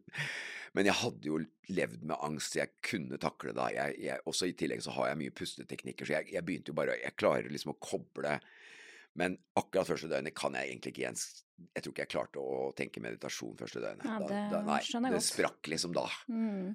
Jeg klarte ikke å, å Men så kom det som sagt etter hvert mer og mer støttekommentarer og sånn, og så og så klarte jeg etter hvert, og så fikk jeg besøk av en veldig god venn eh, klokka ni om morgenen dagen etter. Han eh, ringte først og sa Svein, jeg er så stolt av deg. Og så sa jeg kan jeg komme på Ja, selvfølgelig. Da, da, da, ja, du er så hjertelig velkommen. Jeg, la, jeg begynte å grine med ikke sant? Da var jeg jo helt åpen. Jeg klarte jo bare greiene omtrent. Og han kommer og bare kasta meg rundt halsen. Men jeg har aldri gjort det før, for han er en litt annen type personlighet enn meg. Han er ikke sånn klemmer. Jeg, men da tror jeg vi sto bare og holdt rundt hverandre. Og, så han satt der sikkert noen timer og bare sa Svein, bare dette kommer til å gå, det kom, ikke sant, dette går bra. Og, og ja, takk skal du ha, liksom Tom heter han da. Så han kom og var der så lenge jeg trengte han. Og tok dem Han ble som en sånn toppen når jeg snakka om psykiatri. Han, ble, han tok toppene, da. Av angsten, da. Så Så fint. Ja. Og da sa jeg når han dro, husker jeg omtrent sånn, så, så, så jeg ring, kan hende jeg ringer igjen i kveld og, og i hvert fall tar en prat, da. Men da kjente jeg egentlig at da, etter det, så klarte jeg liksom å le. Da var det bare Det som begynte da, var at media var jo på meg, ikke sant. Så det som skapte nye sånne bølger, det var jo når jeg så det der Nettavisen, der, å ja, det er Dagbladet. For da jeg følte jeg var så åpen og, og, følsom at jeg visste at eh, hvis de kommer med noe, så kan jeg si noe dumt igjen, da. Eller jeg ble redd for Jeg ble på en måte redd for uh, Jeg følte meg så angrepet da at, at jeg liksom jeg, jeg, visste ikke om jeg klarte å være helt meg sjøl, eller sånn, hvis de skulle For jeg følte de var litt ute etter å få meg enda mer ut på glattisen og få meg til å si noe dumt og, og få meg til å bli forbanna eller et eller annet. Og, for det hadde jo stått så mye om at jeg, jeg, han, Svein må jo ha mista det, Svein må jo være, bør jo innlegges. Altså, det var så mye sånt nå. Da tenkte jeg hvis jeg plutselig sier hold kjeft Altså, jeg kan jo være litt sånn òg, ikke sant? Hvis jeg føler at nå er de bare ute, ute etter noe, så kan jeg jo plutselig bli litt sånn. Men jeg så, jeg gruet, så det var noe jeg så det er Nettavisen, så kom det liksom Vi vil gjerne ha en kommentar til det og det, vi vil gjerne ha en kommentar til Fredrik Resvik, vi vil gjerne ha en kommentar til det og det. Altså liksom begynte det greiene der. Og da, og da, var det det som vekka igjen de nervetrådene som var vonde. Men så hadde jeg jo klart et par intervjuer bra, og så, så begynte det Så etter en fire, fem, seks, syv dager så, så begynte jeg å kjenne at jeg i hvert fall fungerte, da. Absolutt. Men så ble du med på Debatten. Ja, ja. Vil du si det var, litt det var det om nytt. Det var, ak- Det var et nytt kapittel? Ja, for det ble omtrent like ille, vet du. Ja, klart det. Så fortell litt eh, om det. Altså Ja, da var det først Da var det jo først at eh, Lotepus og, og Linni og, og Charter Hilde, da, gikk jo ut med, sant, med sterke Ja, de kalte meg for Bare Ja, det var i hvert fall ikke pent. Og spesielt Charterhilde syns jeg var en des, Hun har jo langt intervju hvor hun slakter meg fullstendig, og det er greit. Vi, det gidder jeg ikke å kommentere så mye mer, det får stå for hennes regning. Men, eh, men Lotepus veit jeg jo skyter litt fra hofta, og det var sikkert noen grunner til at han svarte. Det kan jo folk spekulere i sjøl, for det det er ikke lett å, å, å være kjent og, begynne å støtte meg i den tida der, det skjønner jeg jo. Men, eh, og Lotepus eh, snakker jo før han tenker, akkurat som jeg gjør, så, så jeg tenkte at det er ok. Det er litt ja. spesielt at det er liksom du og Lotepus som ja. står på debatten. Mm. Altså, ikke sant, så, så, Men først så var det et radio, først så var det en radiogreie, men også noen spesialister der. Så hvor jeg satt aleine hjemme. Da satt jeg hjemme på rundt kjøkkenbordet mitt mm. med, med, headset ja. og var på en de, eh, greie, tror jeg var også de, Om det var Dagsnytt 18 eller et eller annet. Ja. Hvor jeg også møter fagfolk, ikke sant. Aleine. Men, men, det er jo mange fagfolk som støtta ditt syn i f.eks. Ja, det med masker ja, eller ja, eh, munnbind, og, som man kaller det. Og, og når, når det, debatten ringte meg, så var det jo da i utgangspunktet først meg og Lotepus. De ville bare ha ja, du har jo sett hva de har skrevet i ettertid. Det var liksom at de ville gjøre det litt folkelig, og, og, og det at vi var venner rett før. Vi hadde jo vært på et TV-program sammen i, i South Dakota vet du, med indianerne der, og, og, de visste jo at vi hadde et go god tone. Eh, og så plutselig så er vi da fiender, på en måte. Det er jo veldig Altså fiendeskap og antipatier og sånt, og det er jo selger jo. Så Og da hadde Lotepus ringt meg òg og sagt vi skal, vi skal, ja, ikke sant, vi skal, ja. Så sa jeg ja, stiller du opp? Ja, vi stiller opp. Og, han hadde egentlig bare bedt sånn halvveis om unnskyldning. Svein, det veit jeg. Jeg hadde ikke noe sterke sånne Jeg syns han, han, var litt dum når han satt der og var så avslappa når vi var i debatten. Men ja, poenget var vi skulle møtes da til en liten prat og, og se om vi kunne reparere vennskap og sånn, da. Men så sier hun plutselig altså at Men vi kunne også tenke deg, Svein, at du var i, i studio litt etter at du er ferdig med Lotepus, og og, eh, og, debattere litt med Nakstad og kanskje en til, og så skal du selvfølgelig da få en fra din side, på en måte, da. Og da fikk jeg, fikk jeg da om jeg hadde noe forslag. Så det jeg gjør da, det er at eh, jeg sier ja til det òg, til å møte Nakstad. Jeg hadde ikke noen høye tanker om Nakstad, og jeg hadde satt meg inn i PCR-test og litt forskjellig, og tenkte at jeg skal, jeg skal fortelle litt om det jeg kan der. Og, og, da, og, sender da en SMS til, ehm, til NRK med de kallager, blant annet Mette som var med, ja, hun var et av navna, og så var det vel han Graver, en, ehm, eh, og så var det, ja, det var tre navn jeg sendte eh, til, til debatten.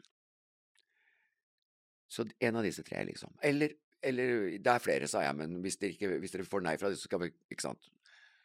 Det som skjer, er jo at eh, eh jeg får, veldig, får et svar tilbake. Veldig bra. Vi skal prøve, ja.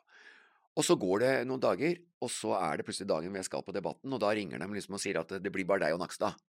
Ikke sant? Det er jo Helt ja, og da er det bare liksom Da skal jeg på tog og alt mulig og inn til NRK, og jeg bare tenker ok Jeg klarte liksom ikke å, å, å skjønne at Jeg klarte ikke å tenke jeg, jeg, er ikke så jævla redd. Altså, jeg tenkte at ok, jeg ble ikke sånn derre Akkurat da tenkte jeg bare at ok, da får jeg og Nakstad, det greit. Jeg skal gjøre så godt jeg kan. Eh, men det ble jo ikke bare meg og Naksa, det ble jo plutselig at jeg var en fra universitetssykehuset, og så var det ditten, og så var det statistiker, og så var det liksom plutselig Men greia var da at eh, Så da var du den ene som ja. skulle være vitne for egentlig en side hvor det er mange ja. leger og fagpersoner og andre som, som, er litt enig med deg i at dette det kom kanskje ingen, Det kom ingen fra mitt, uh, mitt, ståsted eller som på en måte var skeptisk. Det kom ingen. Det var veldig, det var bare, ja. ja, så du ble liksom satt opp til å bli, hva skal jeg si Eh, ydmyka på, ja. i beste sendetid, da. Ja, og så er det én ting til som jeg ikke har snakka så mye om. Dette her er jo, dette syns jo jeg, og jeg vet jo i tillegg at jeg har jo blitt intervjua hemmelig angående dette, og jeg også vet jo at eh, de ikke har prøvd å få ta Jeg mener, de er jo ikke ringt, disse tre personene som jeg ga, ikke sant. Bare nei. nei. Det er jo enda verre. Da blir det jo enda verre. Altså, de har ikke ringt dem. Vi har jo sjekka det.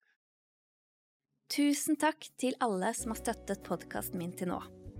Jeg setter enormt stor pris på all støtte, både ved at dere abonnerer på kanalene mine, deler episodene mine og donerer penger via VIPS.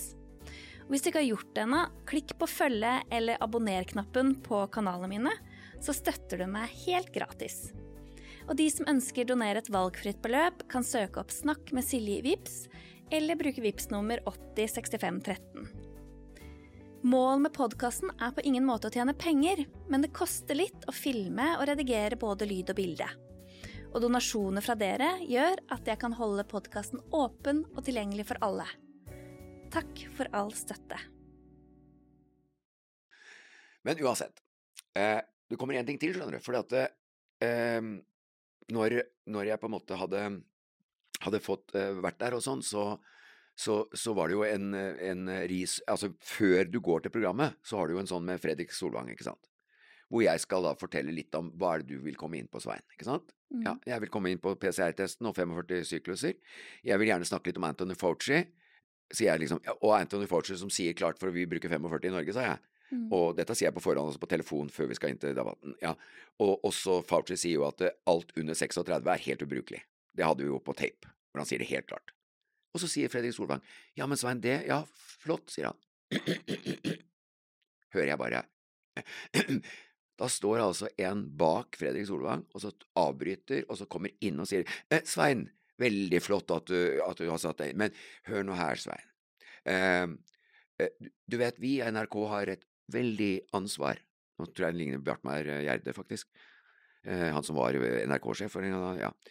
Eh, vi har et veldig ansvar, og spesielt da, for personer som når du skal møte med, med noe som ikke er din hjemmebane, altså, ikke sant, så har vi et veldig stort ansvar for å ta vare på deg, Svein.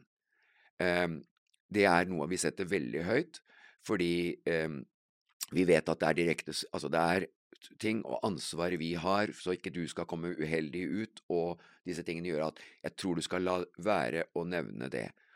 Og så sier jeg Drosten-rapporten, da. Mm. Drosten-rapporten var jo også utrolig viktig for å få hastefremkalt eh, eh, den eksperimentelle vaksinen, ikke sant? Da var det en Drosten-rapport, masse punkter, som ble slakta i en fagfellevurdering av uavhengige eh, fagfolk. Jeg hadde den nå. Akkurat det samme. Det skulle ikke nevnes. Nei, så du ble nesten litt sånn, hva skal jeg si, sensurert Fredrik, i forkant? fikk jeg med at Fredrik Solvang sa ja, så flott. Ikke? sant? Jo, det sa jeg. Ja. Så Fredrik sa bare sånn på impuls ja, så flott. Så ble det stoppa. Ja. Men jeg hadde jo med meg Drosten-rapporten på innerlomma allikevel. Mm. Men jeg kom jo aldri til Og det tror jeg Fredrik visste, at den Drosten-rapporten, for den var viktig fordi Drosten er jo ikke en veldig Han har ikke så veldig god CV. Nei. Og den rapporten var livsviktig, for han prøvde jo å få alle medisiner som fungerte, vet du. Det er jo mange ting her som er interessant. Ja, og Drosten-rapporten var viktig, og det syntes også Fredrik Solvang at den skulle han gjerne se på. Men ble altså på grunn av omsorgen. Men bare se hva som skjedde etterpå. Nettopp det at jeg ikke fikk forklart en del ting, gjorde jo at eh, jeg ble jo Egentlig så burde en halshugget Ja, etter det programmet. Men egentlig så burde en fagperson presentert de tingene, ikke, Ikke sant? sant. Fordi du har jo ikke den Nei. Det, det, det, det er jo ikke det, det burde jo ikke vært du som sto der og måtte forsvare dine synspunkter alene. Det, det det jeg syns ble litt sånn Helt rart. stygt, da. Ja, ja, det er um, Um, at du så- da ble hengt ut på den måten der, egentlig til spott og spe, til advarsel for alle andre, da, som kanskje stiller noen kritiske spørsmål, og som gjorde at det- Og det er jo liksom demokratisk problem, at man ikke kan Ja. diskutere sånne ting på debatten, og at, at, de, at man faktisk ikke gjør det på en skikkelig måte, da, Ja. når man først skal ha sånne he- he- diskusjoner. Ja, og hvis dere husker, eller hvis det, jeg husker det i hvert fall da, når jeg ble intervjua i for eksempel store intervjuer i Dagbladet, og det var vel et par aviser som lagde sånn, sånn portrettintervju, er det ikke veldig rart når du skal gjøre et portrettintervju av en reality-person, at det er I portrettintervjuet så er det liksom fagfolk som som skriver? Altså, som motsier det. som motsier alt jeg sier i portrettintervjuet. Så det var det jo hele tiden i den perioden, at de kunne ikke levere ut et portrettintervju av meg som dreide seg om livet. Men det inneholdt også da selvfølgelig mitt syn på dette her, men så skal altså fagfolk eh, kle av Ble faktasjekka Ja, ja. i, eh, i portrettintervjuet, ja, på en måte. Mens jeg kommer i debatten og har ingen til å faktasjekke hva jeg ikke på min side. Mm. Så det blir jo helt rart. Et portrettintervju skal jo ikke inneholde fagfolk innen- Det dreide seg jo ikke bare om det heller. Det dreide seg om hele, mange ting, sånn som Mm. podkasten nå. Og så var det da Så det også reagerte jeg jo på, at herregud, jeg har jo vært portrettintervjua nå i mange ganger i livet mitt. Det har aldri vært snakk om å og jeg har sagt, vært frittalende på alt mulig. Skal, skal det bli greia at det skal inn professorer i, i immunologi for å, for, å, for, å, for å vise hva de mener om meg? Det er jo helt rart. Men hvordan er det for deg nå, da, etter at dette har blitt vist, det eh, Norge bak fasaden og, og sånne ting? Eh, Eh, Norge bak fasaden har jo eh, bare det tre dager siden eller noe sånt. Det var jo Når jeg så det sjøl, så, så, så tenkte jeg først Første tanken min var at de har ikke prøvd å, å fremstille oss dårlig. Ikke sant? Altså, det var et det Nei, for de kunne jo det. ja, De ja, kunne ja. jo på en måte lagd en karikatur Ja. av hvor utrolig Ja. rare dere er, og Ja, hvor ja. dumme dere er, og Det- sånn. For det har vi jo sett det var en del av. Det var Ja. veldig mye respekt i det programmet, og hele opplevelsen med den ikke sant? De har jo fulgt meg i to, over to år, to og et halvt år. Fra jeg på en måte var helt fersk i det å ha vært på demonstrasjoner og, og sånn, til, til da nå. Helt til ja, Jeg tror det siste greiene var bare ja, tre-fire-fem måneder, tre måneder siden eller noe sånt. Uh, og de har vært uh, fine, og det, de har også følt, følt, at de har vært i bevegelse også sånn uh, i forhold til synet på ting. Altså hvert fall, Jeg kan ikke uttale meg, for de har ikke sagt det sånn direkte, men jeg har merka det liksom på holdningen deres til meg. Den har alltid vært fin, men den har blitt egentlig finere og finere, da. Så det har vært helt greit. Og jeg syns at det som var ålreit med, med, Norge bak fasaden, det var blant annet det med at de tok klasserommet med de unga. At de viste liksom med meg så viste de jo at det er Svein fortsatt. For husk på at jeg har jo vært eh, innlagt på tvangsinnlagt på psykiatrisk i, og diagnostisert i huet og ræva. Og det å, det å, kunne vise at jeg er jo akkurat den samme personen, det er meninger i en betent sak som er den eneste forskjellen på meg. Mm. Hadde folk lest eh, dikta mine og sånn, som vet om at jeg snakker mye om blind lojalitet, som er noe jeg også sier her, vi er for lojale, eh, vi, er, vi, er for, vi er for snille mot makt. Det er jo helt normalt å si når det ikke er midt i en sånn type situasjon. Så er det, så er det egentlig bejubla å si at vi skal angripe makta. Vi skal være skeptiske til makt, til myndigheter. De skal alltid være under lupen. Det er det ikke bare jeg som har sagt, det er Erik Bye sagt, det har Jens Bjørneboe sagt, det er den Det er en hel haug av fantastiske folk som har sagt det. Men nå var det tydeligvis ikke sånn. Nå skulle man ikke si noe imot makta. Det er ikke sikkert myndighetene i Norge helt veit hva de driver med. Noen veit sikkert at det ikke er bare bra ting her, men poenget er hvordan kan det bli så farlig å være skeptisk til makt? Vi vet hva slags maktovergrep som har vært oppe, vi vet at det er kriger, vi vet at det, og vi skyter på hverandre, du mener det, og du er for Israel og mot Israel, og du er ditten og datten, og vi driver og skyter på hverandre. Det er opp der det må skytes, mot de som er som, dra, i, som drar i trådene. Hvem er det som får sparken av et fotballag? Gjør det, det er treneren. Ja, samme er det her. Hvem er det som skulle hatt sparken? Jo, det er dem som driver med ting som ikke er bra. Og vi må alltid ha søkelyset der. Ja, ikke på hverandre. Nei, det er det. Så, så det blir litt sånn steile fronter oss imellom. Ja. Og da ser vi kanskje ikke oppover og hvem som har ansvar og, og de tingene der, da. Nei, og så tror jeg når det er så betent som nå, og når du ser hvordan splittelse og polarisering har skapt et uh, tyranni innenfor meninger, så kan du tenke deg å være storting, på Stortinget, da. Tør de egentlig å si magefølelsen sin? Eller har vi blitt Nei, de går antagelig bare å Ja, gud, jeg svelger noen kameler i dag òg, jeg. Altså, ikke sant? Og det, sånt skal det ikke være. Og det er vel egentlig det hovedbudskapet mitt. Altså selvfølgelig, jeg har gravd, jeg òg, men, men, i utgangspunktet så er det å kjenne på det som alle kan forstå. Det skal da ikke være så betent at man, at, at man går etter makt og setter søkelyset på det, for vi vet vel at ikke alt fungerer i verden. Vi har terror, vi har alkohol, rus, eh, eh kriminalitet, korrupsjon. Alt. Er det symptomer som er bra for et samfunn? Tyder det på at alt fungerer? Nei. Det tyder på at altfor lite fungerer. Ergo så burde man gå, eller gå etter røttene. Hvor stammer et så usunt uh, samfunn fra? Og hvis det blir ulovlig, da, da er vi på ville veier, da. Ja. Så du er modig da, Svein, som, eh, som, står på barrikaden og sier det du mener, og er autentisk og genuin, og som på en måte eh, står for det du mener er riktig, da, ja. i, i, det. Uansett hvor mye motstand du får, så, så, så, står du i det. Det er veldig imponerende. Og og du, du, du, Jeg ble jo veldig glad i deg da jeg så deg på Hva var det? På Camp Culinaris? Ja, å, jeg blir så glad når folk Ja, for det Det var veldig fint å altså, se deg der. Ja. Jeg, jeg, har nok fått mest sånn skry... Eller sånn sterke meldinger fra Farmen kjendis, men jeg hadde det gøy. Altså, Camp Culinaris var helt uh, Det syns jeg var helt genialt. Altså, ikke genialt av meg, men det var et genialt konsept, for vi hadde, vi hadde så mye gøy. Eh, vi hadde det, Du kunne liksom alt der. Det var Jeg er jo ikke god til å lage mat, så da fikk jeg liksom Da fikk den hjelpeløse Svein sitt eh, greie der. Og så var det mulig å også by på Du hadde liksom alle spektere der, følte jeg. Mm, mm. Så det var en utrolig Det ville jeg ikke at skulle ta slutt, ikke sant. Det var sånn program som du ikke vil hjem fra, liksom. Kunne bodd der resten av livet, liksom. Men, uh, og så ble jeg kjent med Og så kom Ari Behn plutselig, ikke sant. Jeg hadde jo et sterkt forhold til Ari Behn, og og fikk møte han ordentlig, den, selv om det var bare ett døgn eller halvannet. Men i løpet av det døgnet, så ja, det var fantastisk det òg. Og i hvert fall få møtt han før han da utrolig nok døde, da.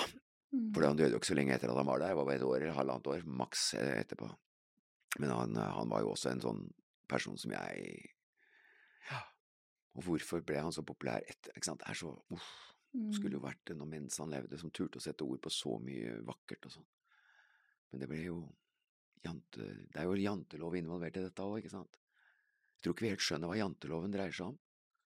Vi tror liksom at det har med økonomi og vellykkethet å gjøre, at vi ikke tåler men det, det dreier seg hovedsakelig om annerledeshet. Janteloven dreier seg ikke sant, om Aksel Sandemos sin ø, eh, eh, fortelling om Jante, byen Jante, hvor det er en person som er annerledes. Og Det er det å ikke utstøtt, utstøtt, ikke sant. Ja, det, ja, det at du, du ikke mm, tør å være deg selv fordi du kan bli utstøtt av flokken, da. Mm, det, og det å Mm. Ja, og det at det er liksom noen sånne uskrevne regler for hva som er greit og ikke greit i et samfunn som Mm. begrenser oss da, Ja. i å faktisk eh, være oss selv Ja. på mange måter. Helt eh, Men så er det også noe med at Men man du må, liksom- forstå, man må også ha forståelse for at vi, vi kan ikke ordne så store ting på fem minutter. Det veit jo du som psykolog, og det er det samme som liksom, du kan ikke forandre Når noe er litt riv ruskende gærent, eller når det er store utfordringer, da Men vi må begynne, vi må begynne på en riktig vei. Vi må begynne step by step. For det første må vi, må vi begynne å skjønne at polarisering og splittelse, det må vi finne det må vi finne en start på slutten til.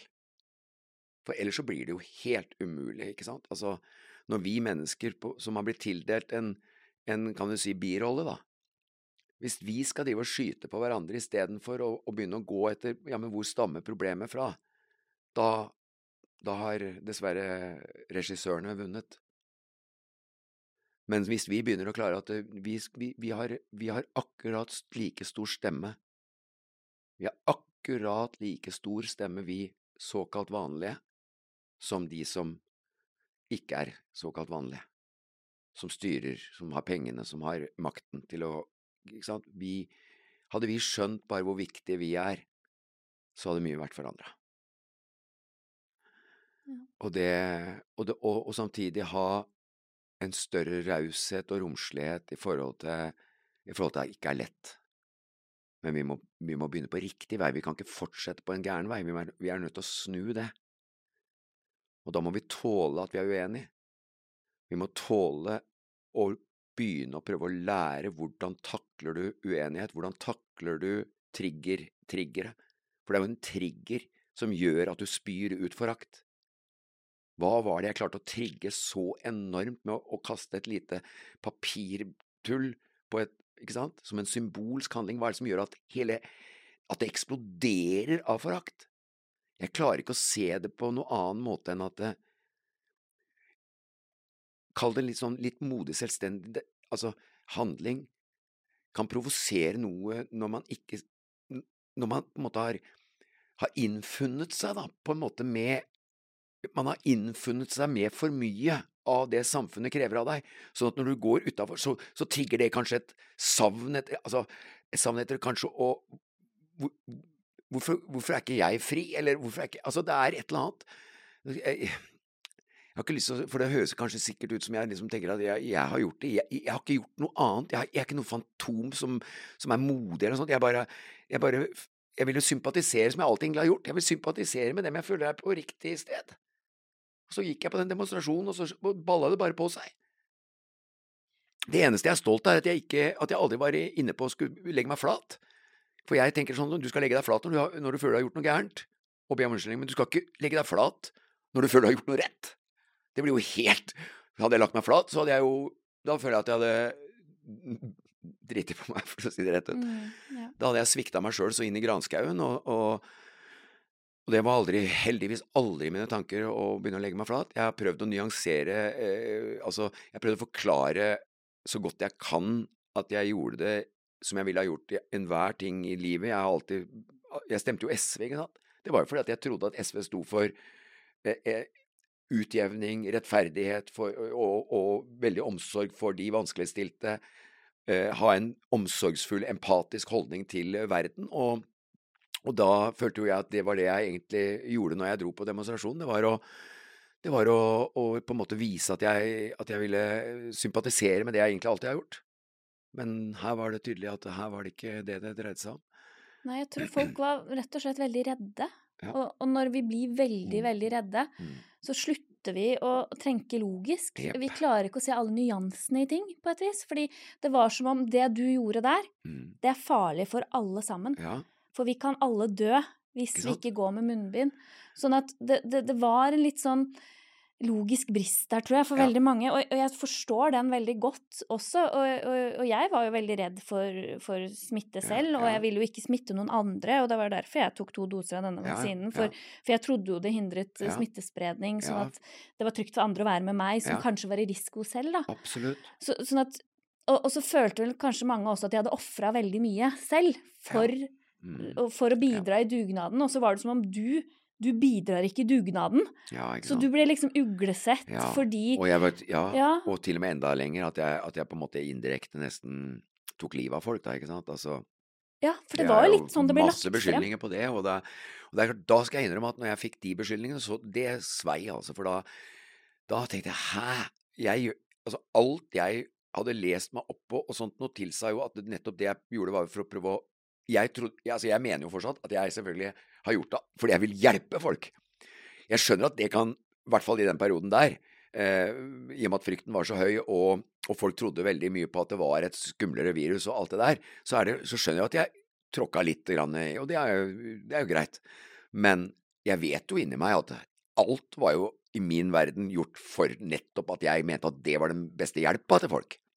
For det er noe med den friheten ja. til å kunne bestemme selv, da, om Ja, ja. du vil gå, gå med munnbind eller ikke. ikke sant? Frihet- for det, det var jo et påbud. Ja, eh, påbud, ikke sant. Og, ja, at det ble også, så, strengt. og så syns jeg jo også etter, hvert så er det jo ulov å si det at det, hvorfor ble det ikke mer eh, lagt vekt på at vi så ikke noe utslag? Altså vi leste jo statistikker, og vi så på dødsrate, og vi så på, ikke sant. Og det er så lav prosent. Vi var jo, jeg og hun fra Hemali var jo i, på, en del, på Arendalsuka, nei hva heter det, protestfestivalen, ikke sant. Hvor vi sitter og, og forklarer dette her og legger jo fram alle tallene. Så hvorfor kom ikke det mer fram? For nettopp å dempe frykten så måtte det jo vært deilig for folk, da, i og med at de, har så frykt at de nesten mister eh, nyansen, som du sier. Hadde det ikke vært veldig viktig å fått fram at det faktisk så ser vi nå ganske på et tidlig stadium at nei, det er faktisk ikke så farlig dette viruset. Men det kom jo egentlig aldri. Før det plutselig var borte når det kom dukka opp noe nytt. Og det er sånne type ting. Normalt sett så burde det vært noen som sa til oss at gud nei, vi har bomma litt på dette viruset. Nå, har, nå er jo jeg selvfølgelig, jeg mener jo at, at det, det Ja, jeg mener jo som jeg sier at eh, dette var ikke noe Det var ikke noe farligere enn en vanlig influensasesong. Mest sannsynlig så, så er det også mulig at det ikke var at dette viruset også er Det er mange spekulasjoner på det, og jeg mener jo at selvfølgelig at det, det her bør det i hvert fall gjøres en ordentlig research i ettertid. For her er det mye som ikke stemmer. Og, men, men det med frykt, og det å spre frykt, eh, det, er, det håper jeg noen tenker litt over neste gang det kommer noen fryktscenarioer. Nå nå må vi først Vi kan ikke bare høre på disse skrekkgreiene. For det første, når man blir for redd, ja, som sier, da mister man mye av forstanden. Så jeg har jo alltid tenkt at eh, frykt, det, det må man lære seg en metode å håndtere. Det er også viktig, altså. Man lærer å håndtere frykt. Det er det massevis av verktøy for å klare. Og det gjelder både reell frykt, ikke sant, og kunne mestre reell frykt. Altså får du et eller annet som er alvorlig, eller du er utsatt for en eh, situasjon, så skal du selvfølgelig ha fryktreaksjonen, for den er jo sunn. Mm. Det, den gjør jo at du, ikke sant. Men det å håndtere frykt, det er spesielt angst som er mer irrasjonell, da.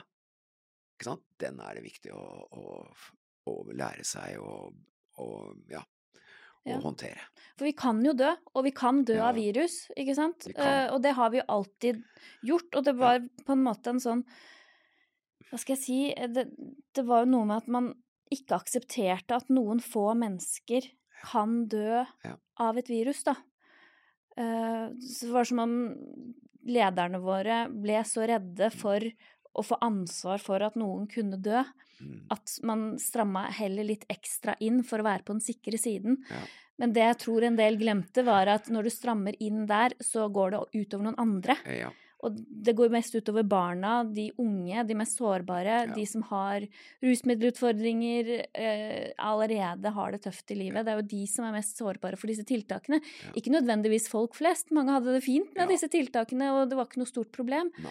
Men det er noe med denne forholdsmessighetsvurderingen som egentlig aldri blir, ble gjort. Ja, da, At man liksom er, fra hofta ja, og, ja. og tenkte at nå må vi beskytte befolkningen her, og så ble det kanskje litt i overkant når man ser det i ettertid. Og så, så er det jo mange som sier at nei, men vi visste jo ikke bedre, og det, og det var av tiltakene at det var så få som døde og sånn. Men hvis du ser på liksom den eh, statistiske muligheten for å dø når du først får viruset, så Mm. var jo den også egentlig ganske lav. Men den var litt farligere kanskje for de mest syke og gamle. Men ja.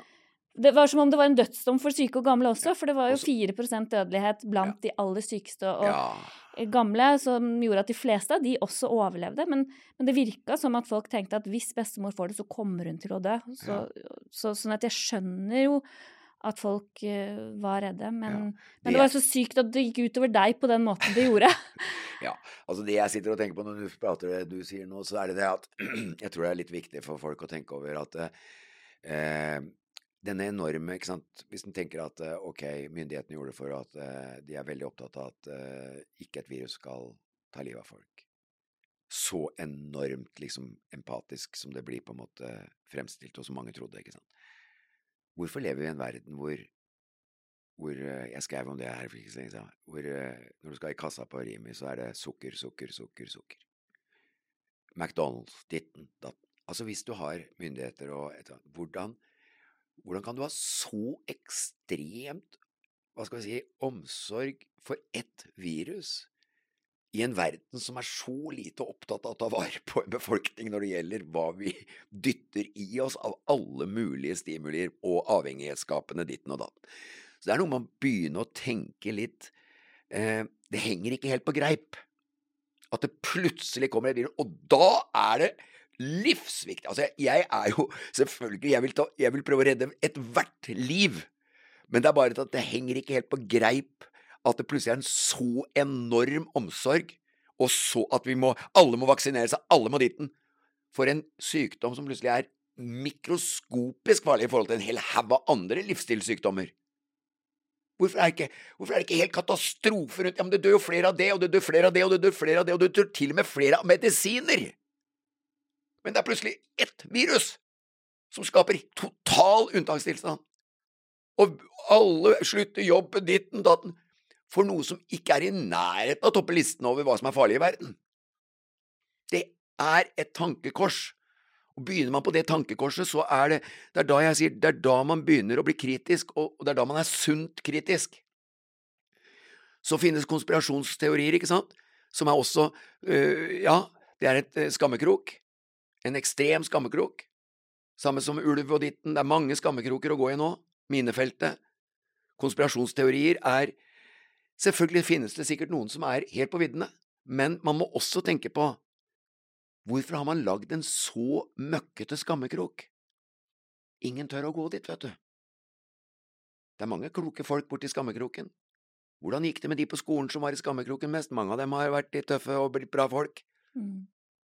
Ja, for det blir, Mm. brukt som en sånn hersketeknikk Ja. og en sånn merkelapp for å på en Ja. måte avfeie alle kritiske spørsmål, da. Mm. Så med en gang du begynner å peke på at Mm. vent nå litt, Mm. kan det være noe makt eller penger som Mm. spiller inn i disse beslutningene? Ja. Og da blir det litt sånn at å ja, du er en sånn konspirasjonsteoretiker, ja, så da kan jeg ikke høre på noe av Nei, det du sier, nei. selv om det kunne jo vært noen ting som Ja. kunne vært litt fornuftige fra Ja. alle mulige slags mennesker. Så, så det er jo noe med det at med en gang man får den merkelappen på seg, så, så stilner man de kritiske stemmene litt, Yes. Og det er ingen som tør det er ingen som, det er ingen som vil bli assosiert med å være eh, konspirasjonsteoretiker. Selv om det er bare sunne argumenter. Altså, en del av dem er jo Husk på, du blir det så tidlig, da. Du blir det så fort. Og det andre er, det andre er jo at eh, Skal vi se, nå hadde jeg notert Uff a meg, det ble borte for Jeg hadde jo akkurat da du fortsatte, så klarte jeg å miste det på veien. Blir ivrig, vet du. Men uansett, det er jo det, det der med skammekrok og det med å bli, bli satt Jo, disse nye kanalene som kommer, ikke sant. For eksempel Rumble og disse stedene. Så har jeg prøvd å si ja, ok, så er det kanskje noen som driver den stasjonen eller den kanalen som, som kanskje du ikke liker. Men gjester ikke sant? Hvis det kommer en professor, da, som ikke har noen link til den kanalen, så klarer på en måte Jeg har prøvd å fortelle at, at liksom Hvorfor vil du ikke høre på fordi det er på en kanal som du ikke liker? Ja, men gjesten er en gjest. En professor med, som ikke har noe link. Og så prøvde jeg å si, så hvis, hvis ikke du liker Skavlan, og han kommer med en gjest du liker, vil du ikke høre på han gjesten fordi du ikke liker Skavlan? Det er jo sånn, hvordan kan du stemple en person, en professor fra Stanford University, eller fra, ikke sant, fordi han er på en kanal som du ikke liker? Er han, er han plutselig ikke han, er han ikke professoren som kommer inn i rommet? Altså, Skavlan driver talkshow. Sitter du og dømmer på samme måten når Skavlan får en gjest som du ikke liker? Altså, hva Det er en logisk Altså Ja, det er litt rart, det der, for det, ja. det har jeg også tenkt litt på. Det der at ok, så fordi du Steigan som har blitt Ikke sant, bare Steigan. Ja. ja, ok, det er ikke helt greit, og Steigan har alltid vært kontroversiell. Men du må ikke dømme det han legger Altså, hvis han kommer med et innlegg fra en fantastisk person som du kan google og se. Han har vært ditten professor immunologi, virologi og ditten og datten, og så er Og du kan Skal du dømme det han legger ut fordi du ikke liker eh, Steiga? For det er det som er litt fascinerende. At nei, det kan jeg ikke lese fordi det står der. Det, ja. Og det har vi blitt enige om at det er en kanal man ikke kan lytte til. ikke ja. sant? Og da er alt det som står der, feil, er feil, da, eller feilinformasjon, eller Ikke sant. Så, så det, det, det, er sånn det har blitt. Da, det, er, det er en total logisk brist. Ikke sant? Det, er, det henger ikke på greip. Nei. Og det er det viktig å få fram. For du, for du, må, ikke, du må, ikke, bli så smitta av, av, av, disse herskegreiene, eller det som ikke sant? At eh, en kanal du ikke liker, ekskluderer et fantastisk menneske. Som du kan lære en del av. Så, så langt må det ikke gå, for da, da Ikke sant? Det, det er jo en grunn til at de kanskje kommer til den kanalen fordi de kanskje ikke blir invitert andre steder. Det er det første jeg tenker. Ja, og da har de allerede blitt kansellert, da, på et eller annet ja, vis. Ja, ikke sant. Og det er jo mm. også veldig lett å finne ut at, at, det er veldig mange som er veldig anerkjente fram til en krise. Og plutselig når krisen kommer, så er de ikke anerkjente lenger. Da er de i en skammekrok. Og, da er de blir, plutselig antivaxere eller altså, jeg, jeg skal ikke si at alle de personene er nødvendigvis ikke har noe gærent, men det er påtagelig mange. Og det bør man være litt nysgjerrig på syns jeg. Hvordan rykte hadde denne personen før denne krisen? Nettopp. Det kan være litt interessant å gå Veldig. tilbake og se på. Nettopp. Mm. Syns jeg, i hvert fall ja. jeg. Ja, mm. absolutt. Så, ja. ja. men nå må vi kanskje begynne å runde av her, da. Så, hvis du, bare hvis du har noe mer på hjertet. ja, har du noe mer du vil snakke om, eller sånn uh... Nå har vi vært innom veldig mye. Vi har liksom ja. gått gjennom nesten hele ja. livshistorien din og hele covid-fadesen. Ja, altså jeg, kan jo si noe om kan jo si noe til slutt om at liksom nuet, da. At, eh, ja. For det, er jo sikkert mange som har lurt. Nå kom det jo eh, nettopp det programmet, da. Jeg vet ikke når eh, med Norge bak fasaden, som jo selvfølgelig også viser at jeg har jo har det bra, da. Men det er klart at jeg har jo, jeg har jo faktisk fått et Utrolig nok syns jeg lever nesten i min beste tid. I hvert fall som godt voksen. Eh, både når det gjelder fysikk og, og syke, så syns jeg at jeg har, jeg har, det utrolig bra. Og mye av avhengigheten som jeg har prata om tidligere her, eh, ikke sant? De, er, eh, de er på sitt beste, altså minst aktive. Eh, jeg har en sunnere livsstil på alle måter, har eh, liksom funnet mange veier til å, å leve sunnere.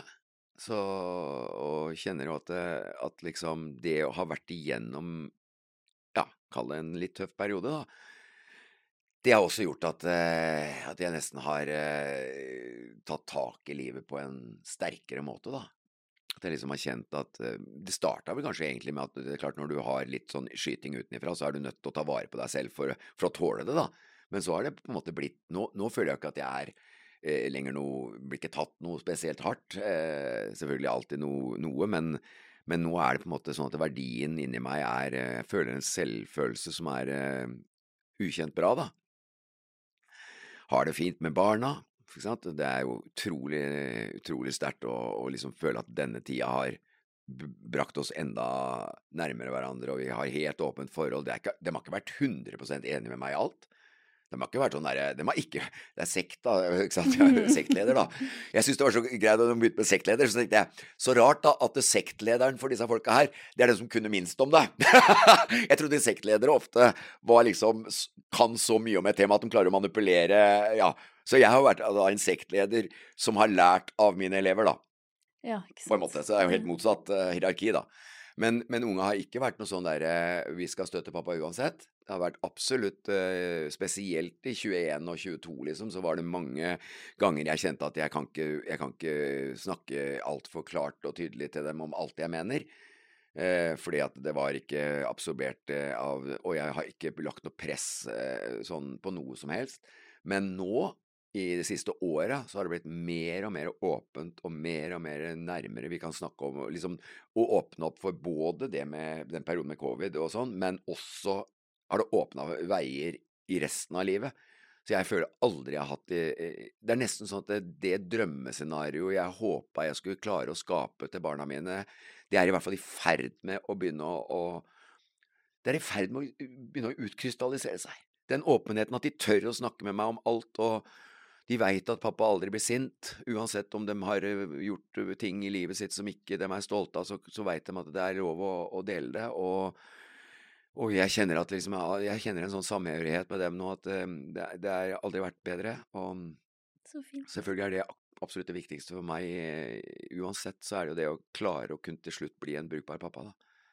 Ja, jeg så en veldig fin TikTok som sønnen din hadde lagt ut.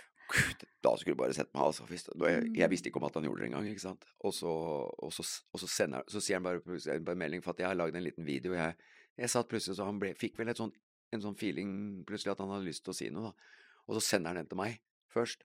Se om du er, kan jeg legge ut dette her, liksom. Og jeg begynte å grine på første setningen omtrent, ikke sant. Og så, og så uh, la jeg den ut. Jeg glemte å, for jeg syntes den var så fin, så jeg bare la jeg den ut på veggen min, jeg. Før jeg hadde sagt det for at jeg godkjente det, da. Oh, ja. Så, og da og så kom jeg på Faen, jeg har lagt det ut, og, og, da var det ti likes, tror jeg, nesten. Ja. Sikkert noen før de hadde sett på den, omtrent. Og så, og så da ringte jeg. Du, jeg har lagt den ut allerede, jeg!